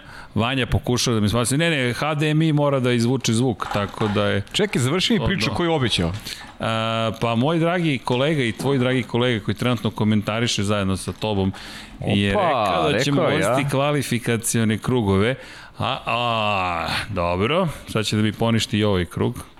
Da. Ok, još jedan pokušaj, ako ne uspijem da počnem krug, onda smo završili. Ajde. Mamba men... O, Opa, Mamba e, imam. Jordanke, tako da, sorry. Imam neki drugi ovaj, Ne zamiraj se, Vanja. mentalitet. Mada, Mamba je rekao, ne bi bilo mene bez Michaela Jordana. Dobro, ajmo sada, idemo u brzi krug.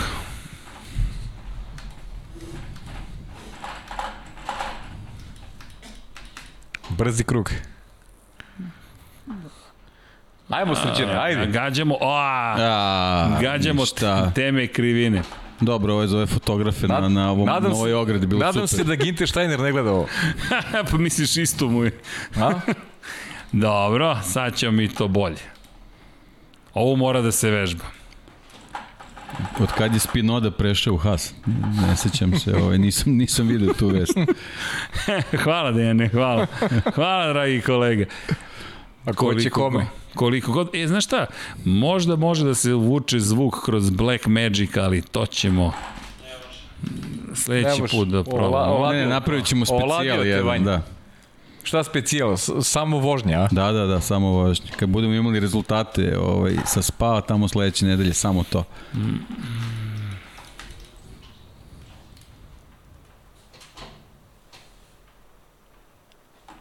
Okej, ovo je već malo bolje, dobro.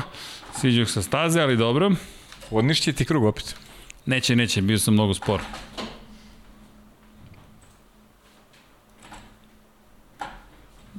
Dobro, nije toliko bilo grdno.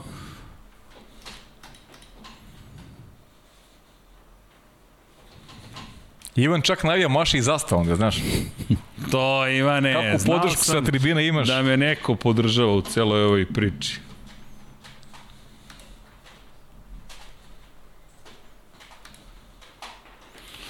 Dobro. Ej, možda i završim krug, čekaj. ne recimo to prebrzo. Uuu, tačno sam znao da grešim. Pa nemojte da mi poništite krug. Znaš šta kaže Boris Truten? Kaže, šta kaže? Ima zvuk kao Formula E. Ok, Borise. Dobro, moram sad ne sam dodam gaz da mi ne ponište u potpunosti krug. Ali dobro, to bi bila e, Spa Frankošam staza i nadam se da ste uživali. Ja svakako jesam. Opa, nije ovo čak ni toliko. Opa, o, vidi, ovde je malo bolje bilo. Šta kažete na? Bravo, Srđane. Veliki talent, velika nada. Misliš da imam budućnost u Pa Formuli imaš. 1? Pa morat će kreneš od trojke. Pazi, ovo je za 3 desetinke bolje od mojeg do sada najboljeg kruga ikada, bez zvuka. Stvarno? Tako da šta ti je stvar vežbe, reci. Evo, čak mogu i mikrofon da namestim usput. Opa, Svaka čast. Opa, hoću u petom stepenu prenosa da probam malo agresivnije, ali nije toliko loše. Do, a, to bi bilo to. Okej. Ubiće te Ginter Steiner. Dobro, ja se nadam da ste uživali, ali ne može bez zvuka, nije to to. Evo ovo. Odnosimo kako treba. I da sklopimo celu mašinu. Opa. Uzmite kolega. Ne, može. Može? Mo, može. O, odlično. Bravo, Srđane, bravo. A, reci. Bravo. I jao, pade Dobro. gitara. I Zakačili smo nešto. Dobro, mislim da nećemo više staviti gitaru iza mene. Morat ćeš da sviraš sledeće nedelje. Ništa, živa je, to se zove jedna gitara koja dolazi sa koncerta na kojem je već bila bačena i pala. To je sve u redu. Okej. Dobre, sve okej. Sve, živi smo svi. Sve u redu. Šta kako? Mi, e, slušalice. Stavi sluške. Čekajte, čekajte da namestimo sluša, da namestimo foteljicu. Uplašio sam Dom Pabla. Toliki čovjek uplaši se. Gromada od čoveka. Ok, ovo je bilo uzbudljivo, mogu ti reći. Pa dobro, jeste, da. Neki, Jeste. ovo je izazov, morat ćemo i, i mi da vežbamo. Pa moramo da vežbamo, ne možemo Ne, da, bez da vežbe ne sednemo, može ništa. da ne sednemo mislite tu, valjda a da, da se ovi ne... rezultati postižu bez vežbe? Pa, Da. mora da se vežba. Da, ok, ovo je bilo uzbudljivo, Ali, ali na što moramo da vežbamo? Da, vo, da vozimo po stazi. Da.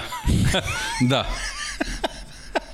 To bi bilo Čekaj, ok. Pavle, da li je ovo bilo sada, da li je ovo bilo u redu? Ok, zaslužio sam prozivku. Ali dobro. Malo si šalimo, Srki, šta? Ništa. Jel sada znate zašto nam je potreban novi TV, bolji TV? Samo zbog ovoga, ništa drugo. Evo, I, I veći TV. I, pa zato ti kažem, sa pozadinskim osvetljenjem, jer onda dobijamo više stvari. M je 4K, M je bolja rezolucija, M je veći, M popunjava prostor, M ima pozadinsko osvetljenje i samim tim backlight je još bolji Koju u studiju. poruku šalješ? Nisam razumeo sad. Pa, podržite Pa. Infinity Lighthouse. Mogli bismo da napravimo posebnu kampanju. Za TV, za, te- TV, platite nije, nije na... što nam to treba, nego zbog Sony-a, PlayStation e, i tako. Za veći TV platite. Uplatite. Da, udrite like u svakom slučaju, to će pomoći To kod obavezno, YouTube-a. obavezno. Da, dobro. Mora, moramo bolje da budemo ovdje u vežbani i nekako zvuk ljudi mnogo je bizarno bez zvuka. Bez zvuka je potpuno bizarno, ali dobro, sredit ćemo mi to A, nekako. okej, okay, ajde. Idemo step by step, što kažu.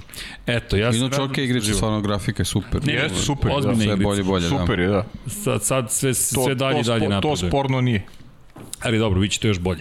Elem, gde smo stali? Kod Nikite Mazepina, e, dakle, to, to jest kod Mika Šumahira, Nikite Mazepina i Hasa, zaista im držim palčeve. Sad sa šala kraju, pa je se danas šalio rekao, ajde, lako je voziti Mercedes, sedi u Haas, i to je činjenica, sedi u Haas, pa da vidimo šta možeš da postigneš, njih dvojica rade svoj deo posla vrlo hrabro i za sada ja bih pohvalio i Mazepina, njegov napredak tokom sezone u kontekstu toga da se on bori rame uz rame sada već sa Mikom Šumahirom je nešto što mislim da zaslužuje pohvalu, pogotovo što je često bio toliko kritikovan, pa i mi smo ga kritikovali da nemoguće proceniti njegovu brzinu zapravo i koliko može da napreduje osim kada se poredi sa Mikom A Šumahirom. nemoguće proceniti jednog i drugog, da iskreno. Da, Haas, izgl... ovaj Haas je kao, ne znam, strano telo u, ubačeno u ovaj šampionat. da. Ekipa koja je najviše degradirana tokom prethodnih godina i pa, skoro da im ne vidim smisao ovo je postojanja, zaista. Ne, ne, ne znam s kim bi ih uporedio, ovo je užas, stvarno, znaš, kao proam šampionat u, ne znam, u ma, ma, ma užas, baš cirkus. Ne, ne, ne, nemam pravi, nemam pravi, pravi ovaj izraz za, za, ono što, za ono što mislim generalno o Hasu i, i tome koliko je Gene Haas digao ruke, da ga nema uopšte i šta se dešava s tom ekipom. Ona afera oko, oko, oko sponzora i sve što se, sve što je se dešavalo tokom prethodnih godina je katastrofa. Eto, najmanju ruku. I, i, i znaš šta je najjače? Što, što Haas ne izgleda dobro ni u, ni u Naskaru. Da, ali to se ponavlja već godinama. ne, ne izgleda to, dobro. To, to isto, Baš ne izgleda dobro. paralelne su im sudbine, ne. Evo ove godine, ja mislim da Haas nema, ima, iz, izvini, Ari Kalmirola ima jednu pobedu, ima jednu pobedu ove godine. Kevin Harvick nema ni jednu pobedu ove godine. Znaš, to je stvarno užas. A u, u formuli to je iz godine u godinu stvarno izgledaju kao strano telo. I, I ne znam šta je buduće, šta, šta oni, o čemu razmišljaju. Kada su mogli da prodaju proizvod, nisu radili, ne znam. Kako izgleda ta priprema za 2022. Koliko se pripremaju, ko će tu da vozi naredne godine, šta će da vozi, ništa mi tu nije jasno. Ako postoji neka enigma, mi sad pričamo, ne znam, o Williamsu i, i, i, i Alfi, pa tu se vidi neka, nešto se, nešto se dešava. Dolaze ljudi, dolaze investitori, nešto se dešava. Ti u Hasu ne vidiš ništa, bukvalno.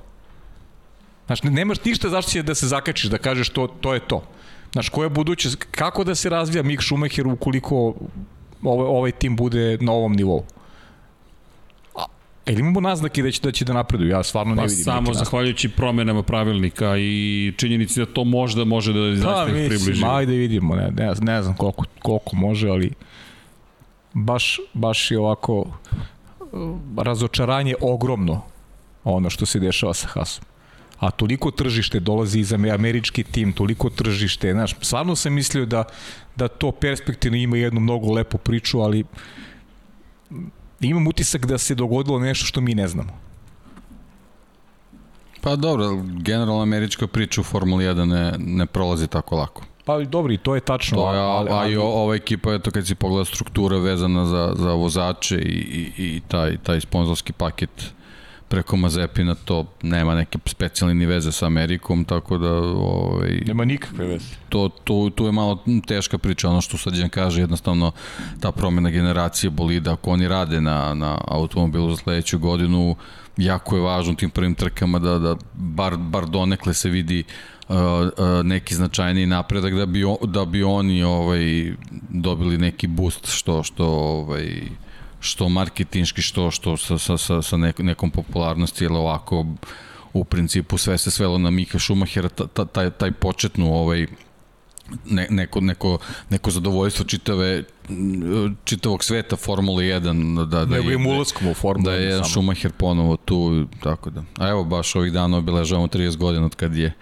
njegov ćale da. ovaj, vozio Jordan i, i zadivio sve u svom prvom nastupu Formule 1 tako da Eto, to je, to, je, to je nekako bila veza sa, sa Mikovim dolaskom, ali sad već to sve splasnulo polako, Jest, zato što pa da. jednostavno, da. kao što ti kažeš, nema, rezultati su nikakvi, jedino kod Mika vidimo taj, taj veći talent i tu brzinu u odnosu na Mazepina, ovaj, baš, je, baš je drastična razlika, tako da ovaj, zaista mu treba malo bolje automobil da bismo videli šta u stvari može.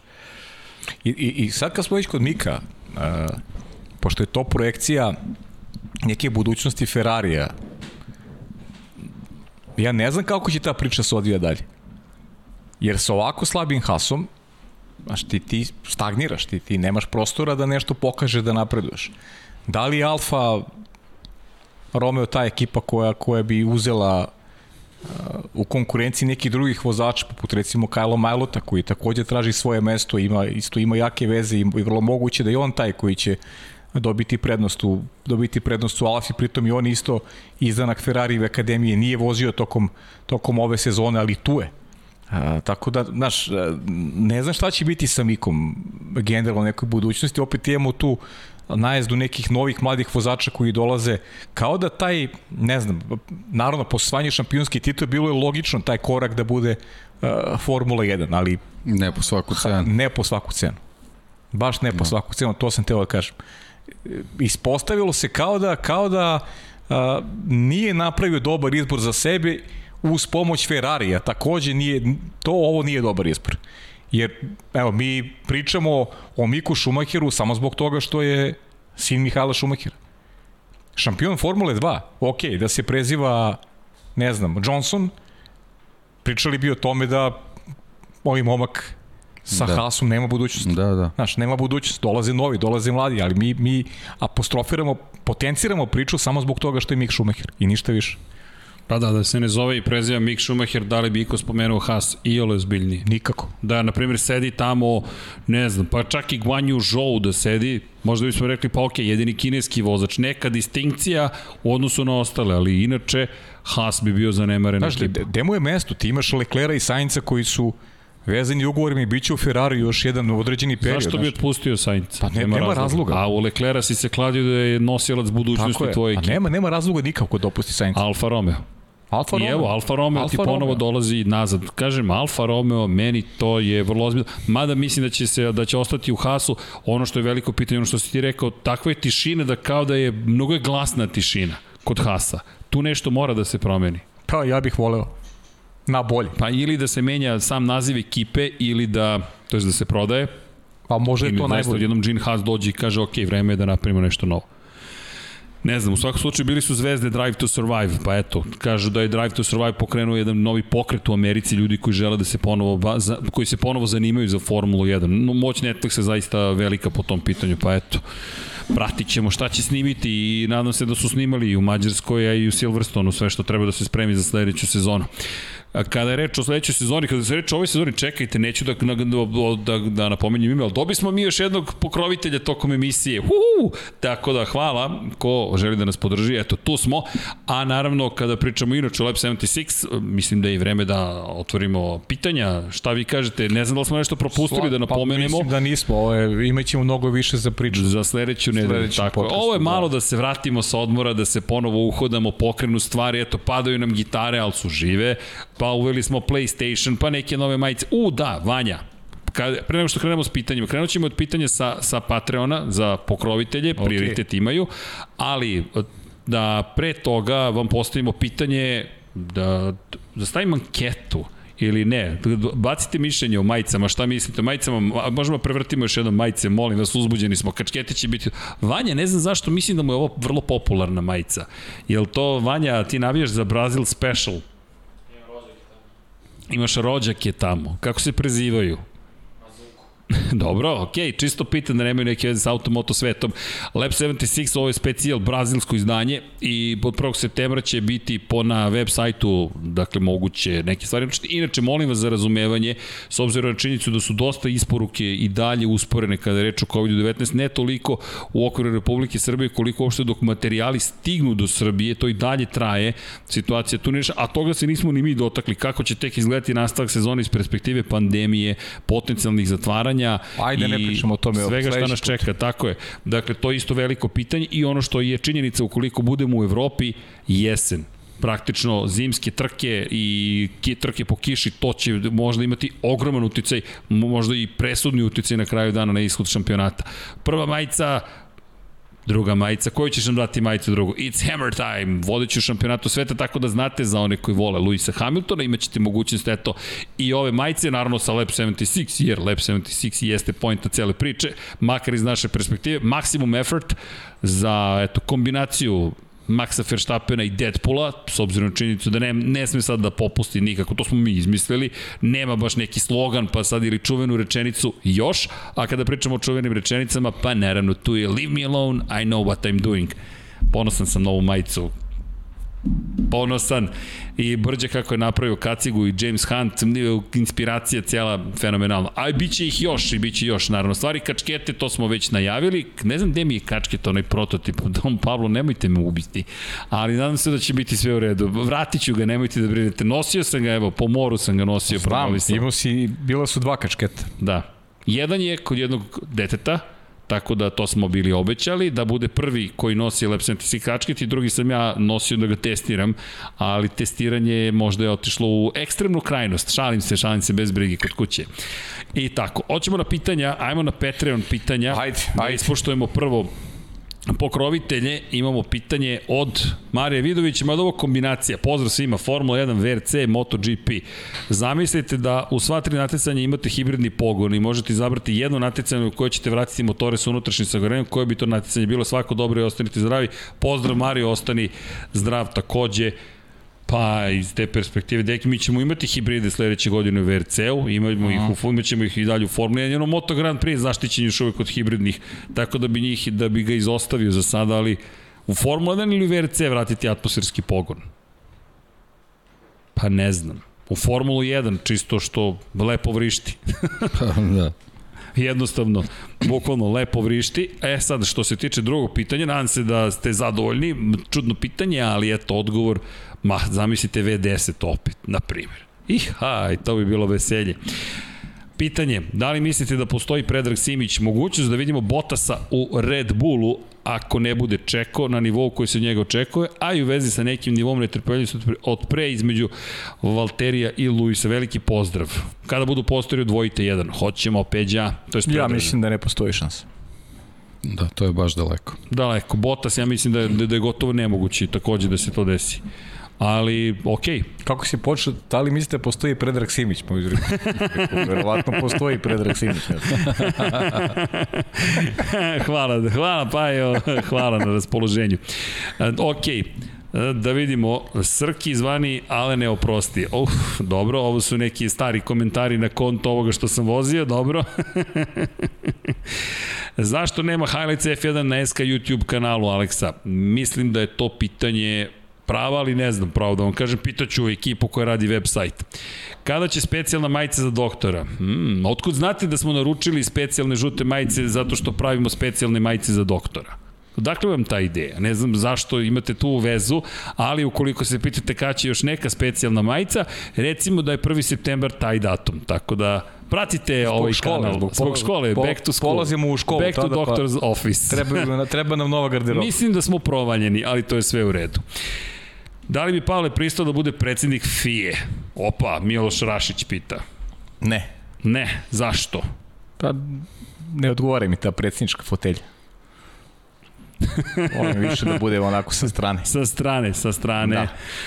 Uh, ko je 7? Nije loše, ali treba da se počne sa Gran Turismo realno mnogo bolje igra. Tu je GT, nemojte da, da brinete. Što se tiče uh, zahteva za SKHD i SKF1, ljudi, mi ćemo preneti redakciji sve vaše utiske, glavni urednik odlučuje gde to ide i kako će se i gde i kada emitovati, to ali, je prosto politika. Hajde da, da zaključimo tu temu, stvarno nije, nije, nije za nas tema i to smo stvarno milion puta rekli zato što mi ni ne znamo kakvi su ugovori, kakve su obaveze prava, tako da je stvarno nepotrebno da mi komentarišemo jer nismo prosto na izvoru i, i, i to je to. Ono što je do nas uradimo, nekad dobro, nekad možda manje dobro, kako god, ali ovo stvarno Ovo stvarno ne Čujte, možemo, znate znaš, kako, ne, to je... Ne, ne tiče se nad, mislim, Zamislite nemam da uvid u to, zaista. Gde god da radite, zamislite neko vas pita nešto čemu vi bukvalno ništa ne odlučujete, a što se nas tiče, uvek ćemo glasati pa za da, poseban ne, kanal ne znamo, posvećen da, automoto sportu. Prosto ne znamo pozivnu, to je to. automoto. Ali prenećemo, u svakom slučaju prenećemo. Samo to možemo da uradimo kao što uvek tako, i radimo. Eto, tako to, je, to je I to. to ne brinite, uvek prenesemo sve što kažete. A, šta, ko, šta mislite koliko je velik Ferrari Ferrari upgrade. Zato čekamo petak pre podne, zato čekamo i, i petak po podne, da mi vidimo šta se tu radilo i pogotovo ne samo petak, u četvrtak već pa prema pravilniku timovi Formula 1 moraju da iznesu delove ispred garaža i da otvore vrate garaže kako bi fotoreporteri mogli da fotografišu i nas izvesti o tome šta se dešava. Tako da u četvrtak ćemo već u velikoj meri znati koje su napređenja pripremljena, pravit će se poređenje. Očekujte zadnje krilo i tekako da bude drugačije, prednje krilo takođe. Zašto? Pogotovo u Spa, uvek se prave posebna krilo. Očekujem ponovo da ćemo vidjeti kašiku kod Red Bulla, dakle to je samo pretpostavka, ono što smo videli negde i u Austriji. Takođe verujem da ćemo vidjeti posebno krilo kod svih ostalih bolida. Mercedes i Red Bull će biti najviše u fokusu, ali eto čisto da, da, da, da znate. Jedna majica za Hamilton inače sa natpisom Bono, my tires are gone. Dobro, eto predloga. Dobar, dobra, do, do, dobra, dobra, da. dobra. Za, za Maxa Super Max može. Simply Lovely može biti Maxov slogan. Okej. Okay. Čuj, Hammer Time nećete prodati ni dve. Pa, ne, ne, ko zna, možda ima i više navijača Luisa Hamiltona. Uh, Ja ipak mislim da je još uvijek najlepša ona crvena sa zelenim lep. Dekijev autorski rad. Gde mogu da se poruče majice? infinitylighthouse.com kroz shop. Tako da znate. Da, i udrite sa predlozima. Zašto? Pa tu smo da pokušamo da napravimo što veću zabavu i što za interesantnije da bude, a istovremeno nama pružate naravno podršku e, Kimi Vejsenina majica najbolje. Hvala, jako lepe majice, hvala. It's that Glock going slow. Da, inače, Mateo Lovrić se podsjeća. E, Formula 3 ovoga vikenda, nemojte to zaboraviti. Da, čoveče, to svaki put I da, toliko i, vremena i prođe. Zaboravili. da će dođu svi vozači na stazu. I Formula, i Formula da. W, čini mi se da vozi, da vozi i dame vozi, čini mi se. Da, Formula... Omatorili da. dečaci dok, dok su počeli voze u vojsku, krenuli, krenuli već. Da, pustili brade. Imam čudo nosići da ti, da ti baš ovaj form, to jest ovaj kalendar baš odgovara. Pa odvratan Katastrofa mi. Za da, mlade vozače poguban potpuno. Jest, pa i za sve, i za, zaborimo šta smo gledali po, po, poslednji put. Pa da, čisto podsjećanje radi Denis Hauger, dominacija na velikoj nagradi Mađarske, ali činjenice da, lepo si rekao, preveliki su pauze i katastrofa jeste. Ono pozitivno što će se desiti u Formuli 3 jeste da će Zandvoort biti sledeća stanica, tako da posle Spa idemo u Zandvoort i onda čekamo, ne znamo ni gde ćemo voziti. Circuit of the Americas je planirano, planirana staza za kraj sezone, još tri trkačka vikenda od ukupno sedam. Mi smo na polovini godine, tako da ovde tek treba da se odlučuju stvari. Denis Hauger, Jack Duan, Oli Caldwell. Tu su manje više da su odlučene stvari, ali ajde. Pa da, Denis Formula, Hauger. Formula 3 je onako manje manje neizvesna, s obzirom da. na Denis Hauger skuplja poene i zaista vodi sjajno. Jeste, ima 152 poena u ovom momentu u odnosu na drugoplasiranog Jacka Duana, prednost je koliko, 89, 152, Nisu 63 poena. drugi momci, Denis Hauger iz svake situacije izlači maksimum. Zaista je. Odličan je. I to je preporuka i za Formulu 2, pa i za Formulu 1. Nema predaje. Inače u Formuli W, dame, bitka Jamie Chadwick i Alice Powell. To je, to, na to se svodi po Jeste. dve pobede iz jednu i za, za drugu. Za titul imamo četiri devojke koje su četiri pojene za to treće mesto i to je interesantno. Tako Jeste. Da. Nerea Marti, Sara Moore, Emma Kimilainen i Fabian Bolwend. Mada Jeste. tu Irina Sidor, Sidor, Sidorkova, da ne zaboravimo i nju. Jeste, Sidorkova. Sidorkova je takođe tu peta u, tih, u ta četiri pojena, u praktično tri pojena, ali Jamie Chadwick i Alice Paul jedan poen ih deli. Pa do, to, to su devojke definitivno koje odskaču i one su... Jeste. Njihova I, borba i po vozačkim kvalitetima. Pa da, da, definitivno, definitivno. Jeste, to je inače topla preporuka da pratite s obzirom na činjenicu da treba, po, prekazuje nam negde budućnost i Formula 1 na neki način, ali iz perspektive drugih automotosport disciplina i takmičenja, dame dobijaju scenu, bukvalno dobijaju scenu i da ne zaboravimo, Porsche Supercup takođe nastavlja svoje takmičenje što u Spa, što u Zandvortu, tako da u naredne dva vikenda imamo identičnu situaciju, Porsche Supercup će se pojaviti i u Monci, ali u Monci nam stiže Formula 2. Tako da eto, to će biti mala promena u odnosu na ove standardne vikende i naravno sprint trke, tako da će to biti ispunjeno, vikend će biti ispunjen Formulom 1 pre svega. I naravno, a kada već pričamo o sadržaju, NASCAR. Naravno, NASCAR.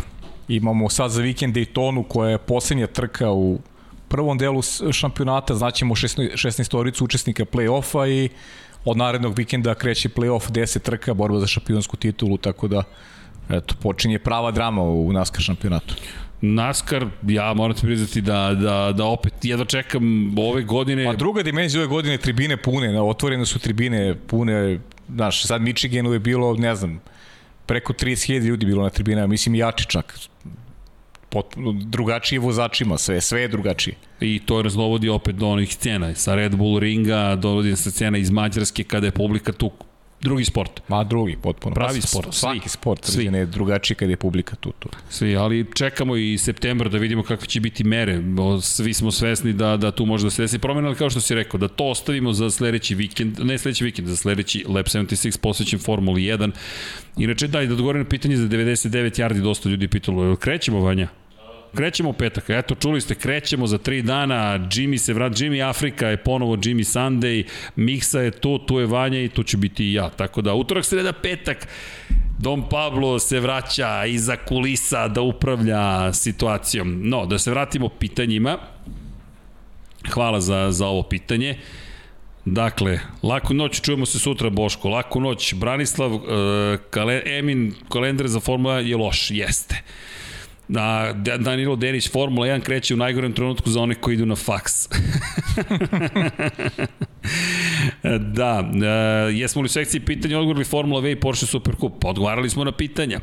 Tako da, samo udrite sa pitanjima. Hipotetička situacija, Kimi u Ferrari bolid iz šampionarske vrsti s Hamiltonov ovogodišnji bolid, ko je vaš favorit za Spa?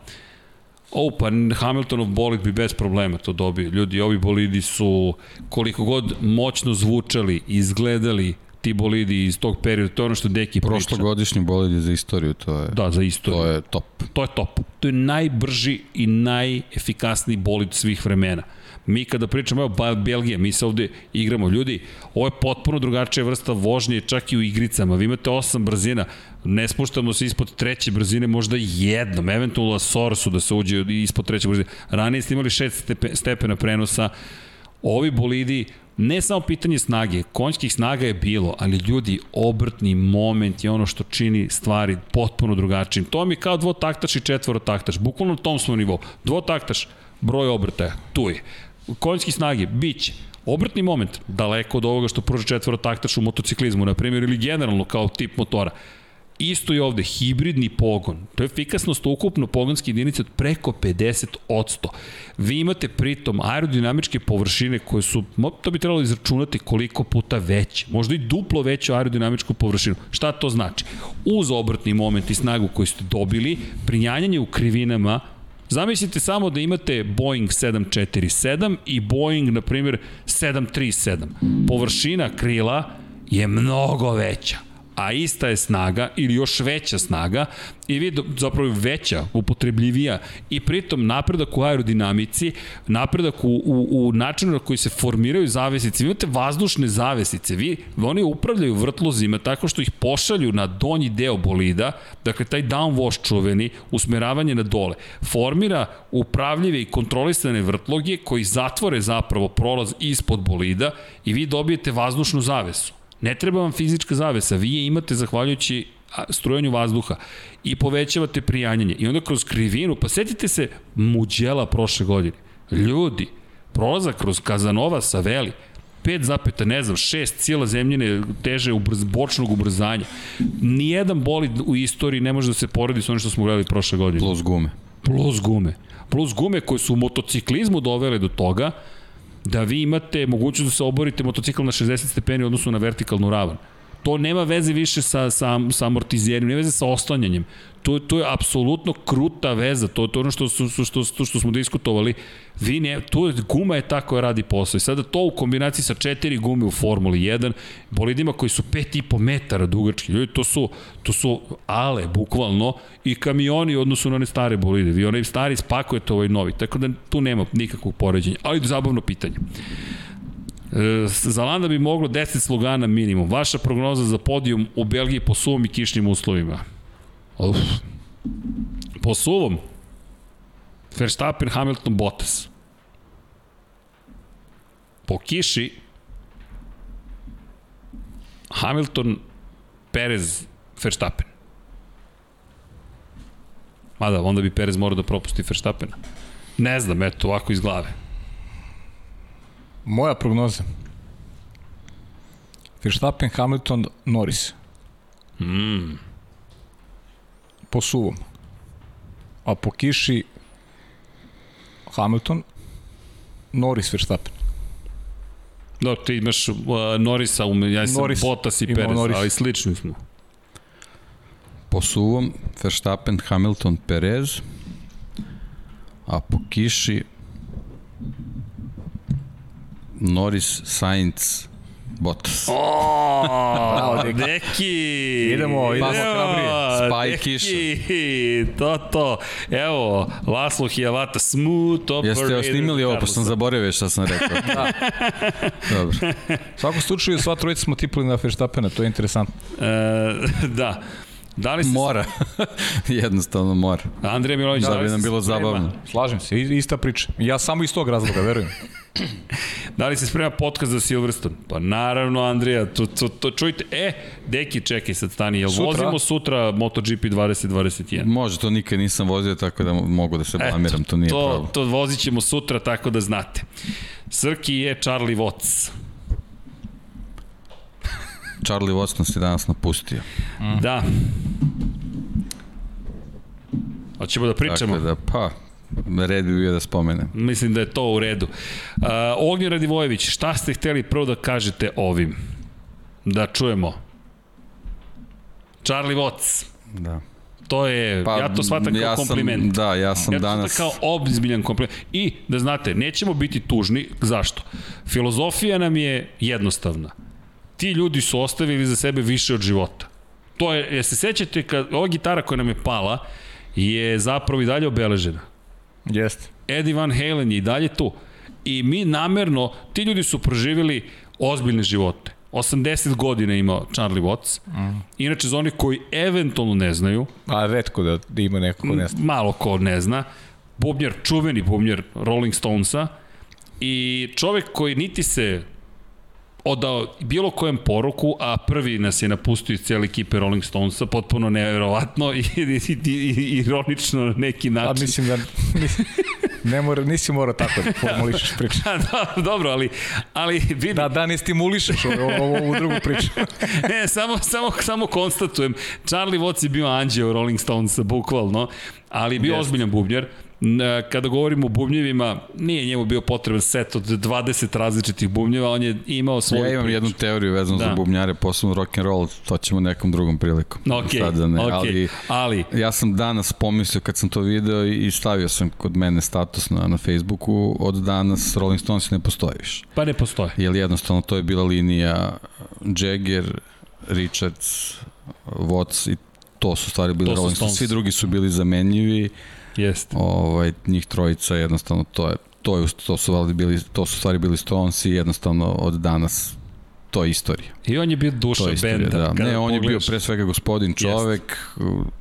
osoba s neverovatnim manirima, izuzetna osoba i neverovatan petrolhead u smislu da nikad nije imao vozačku dozvolu, imao je neverovatnu kolekciju automobila i u svaki automobil išio posebno delo, oblačio to delo, sedao automobil, palio motor i slušao kako radi.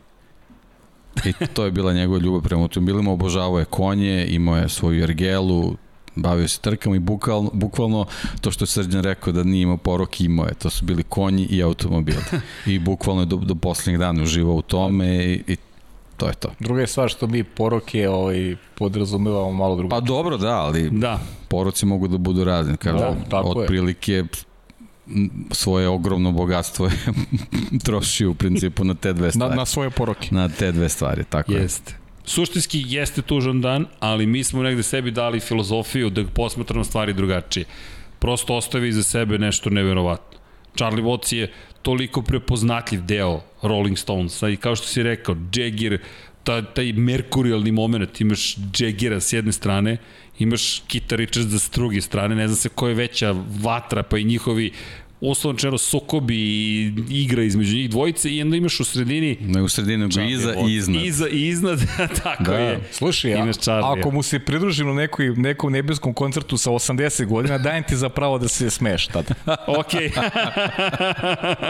Zapamti šta sam ti rekao. Zapamtit ću Uh, pa kako je ovo po ovome suditi, pa ja mislim da si ti bezbedan, odmah da ti kažem. Ej, šta mi radi čovjek? Gleda me Don Pablo dva gleda, da li je realno? Da li si normalan? Da li je realno? Pitate da li si normalan? Pa zna odgovor na to pitanje. Ali da, tako da hvala za podsjećanje. Pa hvala za podsjećanje. Za koga navijate? Pitanje za Srke i Paju, za koga navijate da uzmu titulu između Maxa i Hamiltona? Perez. Prosto mi ne navijamo. Ne, njima je zabranjeno da, pa, da to govori. Tako je. Oni su komentatori. E, da, prosto ni ne bavimo se time. Ovaj vikend Ferrari će ne, ali, te, stva, ali i ljudi stvarno, ja, ja stvarno, ja, naš, prosto, prosto, ne, ne, nemam to u sebi, znaš, kao navijam. Imao sam neka sada, stvarno, navijam da bude dobra sezona. I tako mi se menjaju, tako mi se menja raspoloženje, u zavisnosti od toga ko vodi, ko je, ovaj, ko je Ma, ja navijam za zanimljivu sezonu, Sa, uvijek je tako bilo. Samo to. Šta? Prošla su vremena kad sam srčanio zbog gospodina najboljih svih vremena za mene, Artuna Sena. To je to. Kao ti za Pikea, recimo. Ali, Bel... Ili ovaj gospodin za Čika Brku. Ali evo ja to to. dobijam poruke neke specifične ovaj, ogledalci kažu, ali Deki trenutno nije komentator, možda on može da kaže. Ne, A, vidiš, ne, ne. Ali on je urednik, ne. tako da, tako da ni on ne može u tu grupu da, da se svrsta. Ubacite bi imaju podcaste da se smemo, može. A, koje je po vama zlatno doba šampionata iz državosti ili nam tek dolazi, mislim na dosta proizvođača koji ulazi u 2023. PS Cadillac je danas ušao u VT. Tako da. je, da, da, da. Da, da. to je Pa ne znam, zlatno doba vezano za, za te, te tehnološke inovacije možda u nekom smislu, mislim da je to neko zlatno doba je bilo, mislim, posebno za nas koji smo vezani za, za ove motore sa unutrašnjim sagorevanjem, ali mislim da može da dođe jedno, jedno zanimljivo vreme, jer, jer jednostavno trke sa dominacijama jednog proizvođača ne vode ničemu. Mislim, to, mislim da, da, da, da i njima postane dosadno, tako da nadam se sa svim ovim najavama i ko je sve najavi ulazak posebno do 2023. Mislim da to možda bude jako zanimljivo, posebno što mislim da sa tim zanimljivim šampionatom možemo da dobijemo i, i interesovanje kvalitetnih vozača koji će, koji će se naći tu štartu i ove godine smo imali jako, jako dobru listu u, u nižim kategorijama, tako da sa pojavom hiperautomobila mislim da to možda bude baš super. Isto, hiperautomobili i, uz brendove koji dolaze, uz kompanije koje stoji iza tih automobila, deluje da ćemo doći ponovo do nekog zlatnog doba. Koje, koje je zlatno doba? Čujte, svako doba, to takozvano zlatno donosi neku svoju priču i donosi neku, hvala, vi ste divan čovek. Treba malo donosi, vodi, treba se hidrirati. Ne, apsolutno. E, od kad nismo spomenuli hidratacija? Ta reč nekako nam se izgubila, vidiš. Pa zato što ima mnogo čega?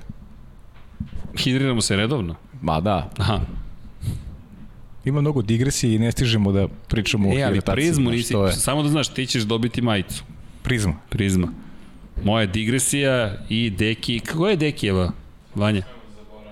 To ne, ne smemo da zaboravimo. To, ne, to ne smemo da, da zaboravimo. Kako što piše oko majice. Dobit ćeš krov. Da, da. Dobit ćeš krov. To pa inače da izgleda kao omot Pink Floyda, znaš ono sa onim... Bravo. E, a da, pazi, da, da. to ne smemo da zaboravimo, to tebi i meni mogu da onako široka slova da budu, znaš. Da nam ide i na, i na leđe, znaš. Kaže, pozdrav Luka Đurić, podsjeća, pozdrav za dame koji su se takmičili u LMP2 na ovogodišnjem Lemanu. Pozdrav, pozdrav za, za dame. Da. U ozbiljan udes je bio. Dama, baš da. je bilo... Nije baš bilo kako je trebalo da bude. Sofiju izleoće ti, ti udesi srećan ovog puta, baš ono, dobro su prošli. Da. To je dobro je prošlo. Jeste. Žao mi je onako mogli su sigurno da, da ostvare neki zapaženi plasman ovaj, možda neko sedmo, osmo mesto u klasi, što je bilo super. Da, evo, pitanje davno, Haas, izvinjam se, ko, ko je, da li postoji, uh, Field of Vibe pita da li postoji mogućnost da bude više od 10 timova u karavanu. Apsolutno postoji. Problem jeste i odgovor jeste to. Nece odgovori, ola, samo što postoji 10 timova na svetu koji su finansijski sposobni da iznesu teret sporta jedan od problema, ali nije samo pitanje financija. E, često se smatra da je dovoljno, hvala, hvala dragi gospodine Živkoviću, dakle često se priča o tome da je dovoljno da imate financije. Nije. Financije su očigledno neophodni. Međutim, ljudi, to jest organizacija, struktura, podrška, ovde govorimo o mega kompleksnom biznisu. Dakle, nije dovoljno samo da imate neki budžet i kažete mi ćemo sada da napravimo tim Formula 1. Zašto bi se vam se neko pridružio? Koju reputaciju vi nosite sa sobom? Da li znate kako, koga treba da postavite u toj cijeloj priči? Da li imate infrastrukturu neophodnu za rad na tom bolidu? Ko će da vam proizvede taj bolid? Zato je Haasov model bio toliko interesantan. Haas ne proizvodi svoje šasije. Dakle, oni su se osvrnuli to je prvi put da je neko rekao ja sam konstruktor, ali suštinski nisam konstruktor, nego ću da kupujem šasije. I okrenuo se tome da menjač i motor nabavi od Ferrarija. Okrenuo se tome da, vrlo, da ima svoj dizajnerski biro, ali da ne mora nužno da ima svoju fabriku. I, iz te perspektive pričalo se o Hasu kao budućnosti Formule 1, kao ne, nekom timu koji će pokazati da s manjim budžetima možete biti vrlo konkurentni. To ne znači da je ta priča prošla. Prosto deluje kao što je Pavle rekao da je Gene Haas nekako odustao od toga, a mi dolazimo sada u eru kada se smanjuju budžeti koji će biti na raspolaganju timu. Sad sam to da kažem, moramo da sačekamo sezonu 2, 3, da, da, da možda neko koji razmišlja o tome u stvari dobije neke praktične informacije koliko je Jest. tu zaista neophodno ulaganje da bi mogo da se napravi neki projekat od nule. Jer pa, jednostavno od nule mora da se krene. Zato se nadovezuju o pitanje Mohameda Hajdarija. Da li je optimalno imati 20 vozača i 10 timova ili treba više ili manje. To u zavisnosti od toga kakva je, kakva je sezona. Nemamo pravi odgovor. Ako, ovo sve što si naveo, ako postoji više timova koji mogu da isprete uh, u tom nekom takmičarskom smislu budu konkurentni, onda uh, nije zgorek da ima i više ekipa. Ali ako ne mogu da prate, onda je optimalnije skodno situaciji da neke ekipe prosto ne budu tu jer samo smetaju na stazi, ne, ne, nemaju, nemaju nikakvu svrhu. Niti možda vidiš neki napredak vozača, niti možda vidiš napredak ekipa i samim tim nisu, nisu onako relevantni učesnici onoga što je uh, treba da bude najbolji šampionat u automobilizmu, to je svako Formula 1. Tako, Tako da sve je u zavisnosti od onoga kakav je, kakav je aktualni trenutak i nema pravog odgovora na pitanje da li nešto optimalno nije, nego zavisi od mnogo faktora to je to. Moramo da sačekamo. Jer Gene Haas je zaista pokušao nešto novo u šampionatu sveta Formula 1. Direktno suprotno prirodi šampionata. Svi su bili ponosni konstruktori. On je prvi, rekao bih, um, assembler ska, sklapač praktično, što ga ne čini lošim, naprotiv, prosto je pokušao drugačijim modelom. Sačekat ćemo pa ćemo da vidimo. Vidjet ćemo i naredne godine kako će Haas da izgleda. Ko zna? Pa naravno. Ko zna? Miloš Rašić, da li smatrate da ova sezona već sada pripada među top 5 najboljih sezona od kako pratite Formulu 1? A, Od kako, od kako mi, misliš kako pratimo mi generalno? Pa da, Pa mislim jedna Ima od jedna da od boljih, bude. da, i jedna jedna od boljih. pa zavisi od nastavka, ja bih rekao. Pa ja mislim složio bih se s tobom. I 2018. je bila takva u prvom delu sezone. Jeste. Pa smo onda od Monce dobili ono potpuni sunovret, jednu ono izvesnost koja je prosto bila dosadna. Da, Tako da treba sačekati s ocenama, definitivno. Da, E- Emin Subašić, Subašić pita zašto ne verujete Maksu po kiši. Pa nije da mu ne verujemo, prosto Prosto ja više verujem Luisu po kiši, eto, to u je to. ovoj situaciji, iako je imao onu spektakularnu trku po kiši u Brazilu, koja se zaista pamti, ali čujte, do sada ono što smo videli, i ako pogledamo trenutnu situaciju, nekako nam deluje svima da, da Hamilton ima veće šanse, ne da će Max biti loš, druga Naravno. pozicija ili treća, daleko toga da je loš. E, Da li Lando može da pobedi do kraja sezone? Evo, gospodin kaže, potkonjak, apsolutno. Ja delim mišljenje isto. Da, može da pobedi. Može. Mo, potrebno je malo da se slože neke stvari, ali Pa, To je u to. životu uvek potrebno da se slože Landova stvari. pobeda je nešto slično kao bodovi za Williams, znači moguće. Videli smo na prošloj trci da je moguće. Pa, pazi, mislim, mnogo je realnije da Lando pobedi nego Esteban Ocon, recimo. Da. Ne, ne mnogo, nego hiljadu puta realnije. Pitanje je Stomić 50. Koja je po vama najmanje impresivna pobjeda u Formuli 1? Najmanje Auf. impresivna. Pa to bih dodelio možda nekome ko je dominirao toliko Formulom 1 da na kraju to postalo već viđeno, ali jedna jedina pobjeda u Formuli 1, mnogo velika stvar. Mo, Teško, mnogo, baš mnogo, teško mnogo, pitanje, mislim, znaš, Mnogo. možda formulacija nije najbolja, najmanje impresivna. Ej, slušaj, Komrad H, veliki pozdrav srđan od prijatelja iz Cineplexa u Bigu. Pozdrav, Komrad H! pozdrav, 99 yardi se vraća, tako da budite tu. Sutra u naslovu mora da bude Vinjales. 14. tom. Ja ne, ja ne Znaš dolazim. priču Maveriku Ne, Vinjales? doviđenja. Ne, ne dolazimo ni ti ni ja. Ostavit ćemo ovako mikrofone i slušalice. Če, znam nešto da je kraju dobio otkaz, tako? Pa ne, nemoj, ne, ne, Da, nećemo pričati uopšte. Ne, ne, Izvini, izvinite. ne želim da Ver, pričam. verujem da pričate non stop o tome. Ne, ne možeš da veruješ. Menja se, stalno se menja, a? Čovjek, apsolutno skoro da ništa Evo, nije počinje opet da priča, vidiš? Ne, evo, Da, samo da. kratko. On mene hoće da Mi obavesti. samo pričamo o tome, samo o njemu pričamo. Deki reci, on ne silazi, jednostavno nemoguće. Ne, Vinjales je neuništiv, prosto je najotporniji materijal na planeti Zemlji, Maverick Vinjales. I kada nema šta da se kaže o njemu, on je tu kraljevski. Kralj. Opa, za njega je jednostavno Maverick. Dovoljno da piše Maverick i to je to. Da, da li će misliti da će Ferrari u nastavku sezone moći da pare Red Bull i Mercedesu? Andrija Milovanović? Ne. Ne.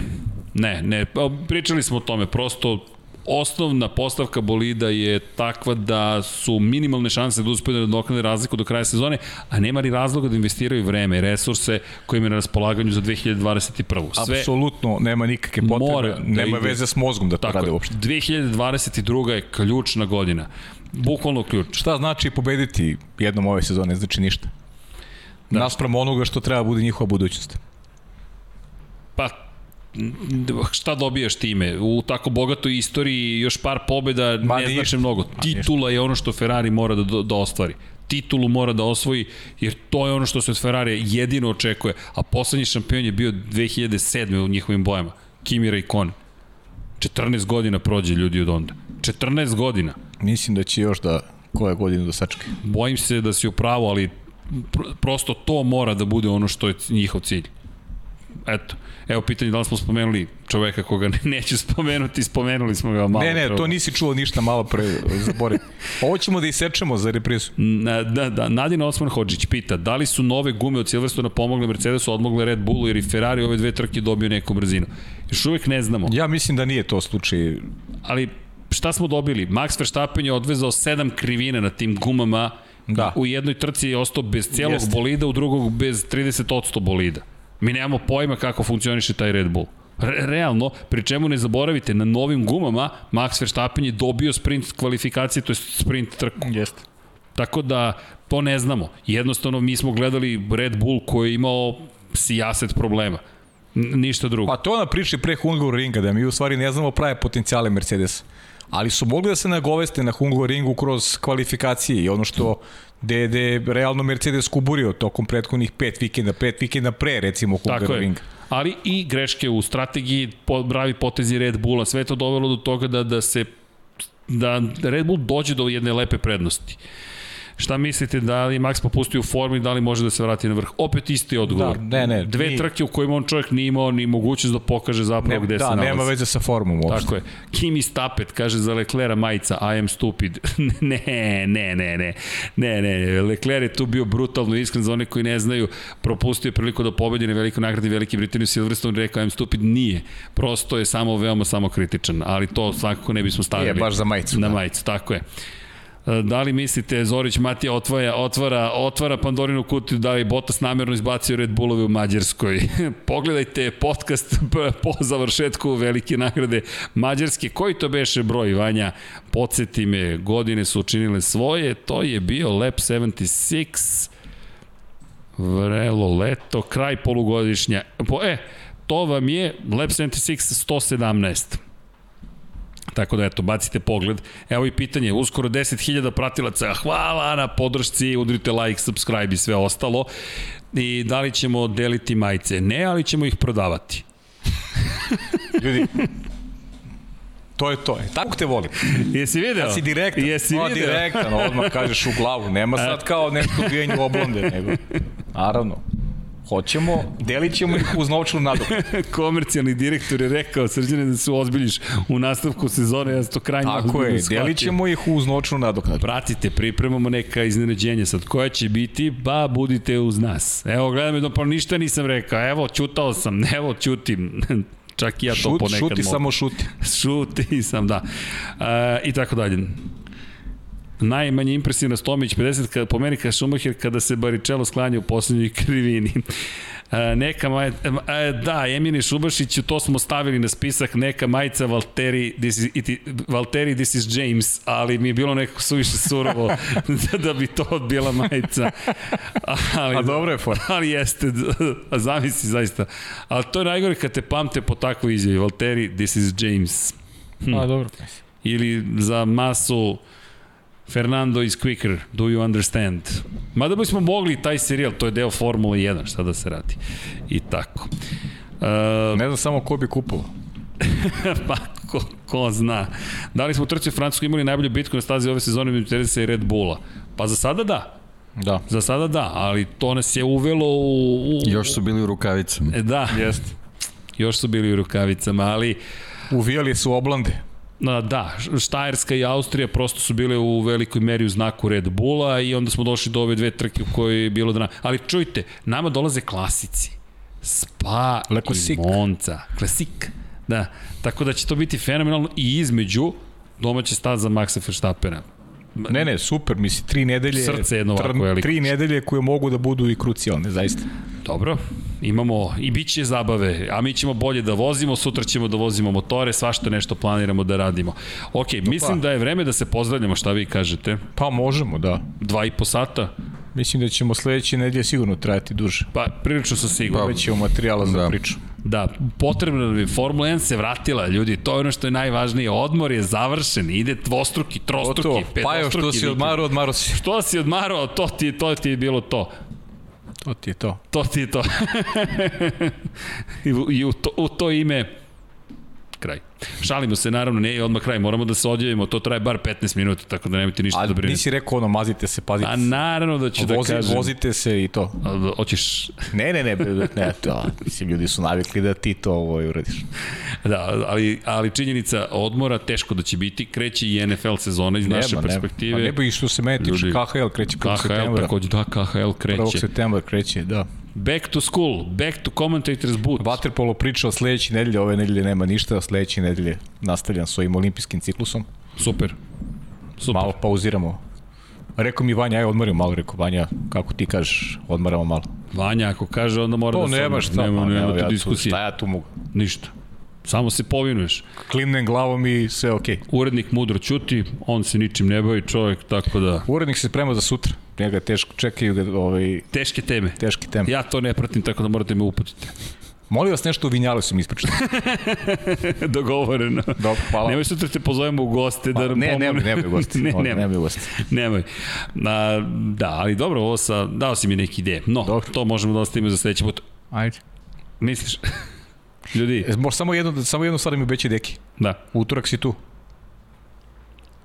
Tu sam. Dobro. Eto, dobro. Važi. Tako da, čuli ste, dobili ste potvrdu i bit ćemo spremni. O, jel ćeš voziti F1 2021? A, teška Mora malo da se istrenira, ne može ovako. Teška pitanja. I moramo da sredimo zvuk vanje. Ja. Prvo to, jer ovo bez zvuka e, ne, nedostajemo nešto. Mada, Dobro, ovo je bila proba. Ovo je bila proba. Ovo je bio demo run, što kažu. Ovde ste videli shakedown test za budućnost, ali obećali smo da ćemo voziti. Sad ćemo početi redovno da treniramo. Ko hoće da eto, druži se sa nama, kad nam internet radi, i PlayStation 5 je povezan, bit ćemo tu. Naravno, Infinity Light HS, pošto ne može duže da, da stane kada je reč o username-ovima na PlayStation Networku, ali eto, potražite nas pa da se družimo, malo ćemo i da twitchujemo i tako da, u da, moram da ćutim, rekli su mi, nemoj da saopštava šta sve planiramo. Dobro, bit ću tih. U svakom slučaju, danas ste stuživali Lab 76 broj 122, pripreme za veliku nagradu Belgije, Holandije, Italije, nastavak sezone, najava dvostrukog vikenda, pa je se vratio Rajzac smo ga pronašli. Ej, reci, kakav je bio thumbnail kada nas nije bilo? Da. Reci. Majice Pa su nove stigle, to je stići će od 1. septembra i u naručivanje. Molim vas za malo razumevanje kada je reč o brzini ispos, dostave novih majica, s obzirom na činjenicu da još tu nije razrađen ceo sistem, stižu posteri, stižu kačketi, jao, bit će zabavno. Mazite se i pazite se, vozite, vozite računa. Kažem ti, već mi je ušlo, ne, ne normalno. mogu više da kažem vodite računa, vozite računa jedni u drugima. E, ta majica sigurno stiže, vozite računa. E, to ste teo kažem, bravo. Vozite računa. naj- To će, to stiže. To je naš, pa, tvoj patent. Ba, naš patent, sve ovde radimo. Ovo je to Usvojio sam. kreativni sam. jedan lonac gde se stvaraju najbolje ideje. Studio na kraju univerzuma. Vodite računa jednim drugima, pošaljite 917 na 3030, Human 417 na 45 917 na 455 ukoliko ste u Švajcarskoj, potražite u potpisu gde možete da pomognete prosto i šta možete da učinite. Ovo je nekako naš minimalni napor da, da pomognemo nekim ljudima kojima je to potrebno, s obzirom na činjenicu da zaista ima ljudi koji koji je, kojima je neophodno, kojima je neophodna podrška prosto. Tako da, ukoliko možete za Branka, Branko Kovačić je u pitanju, potom pogledajte budihuman.rs takođe ili gde god da živite neku organizaciju koja može da koja pruža tu vrstu podrške, zaista bi, nekako mi verujemo duboko u lepe i pozitivne emocije. Ne, možda smo večeras malo u euforiji, s obzirom na činjenicu da se vratila Formula 1, da nam je tu jedan od pokrovitelja, moramo da budemo na visini nivoa.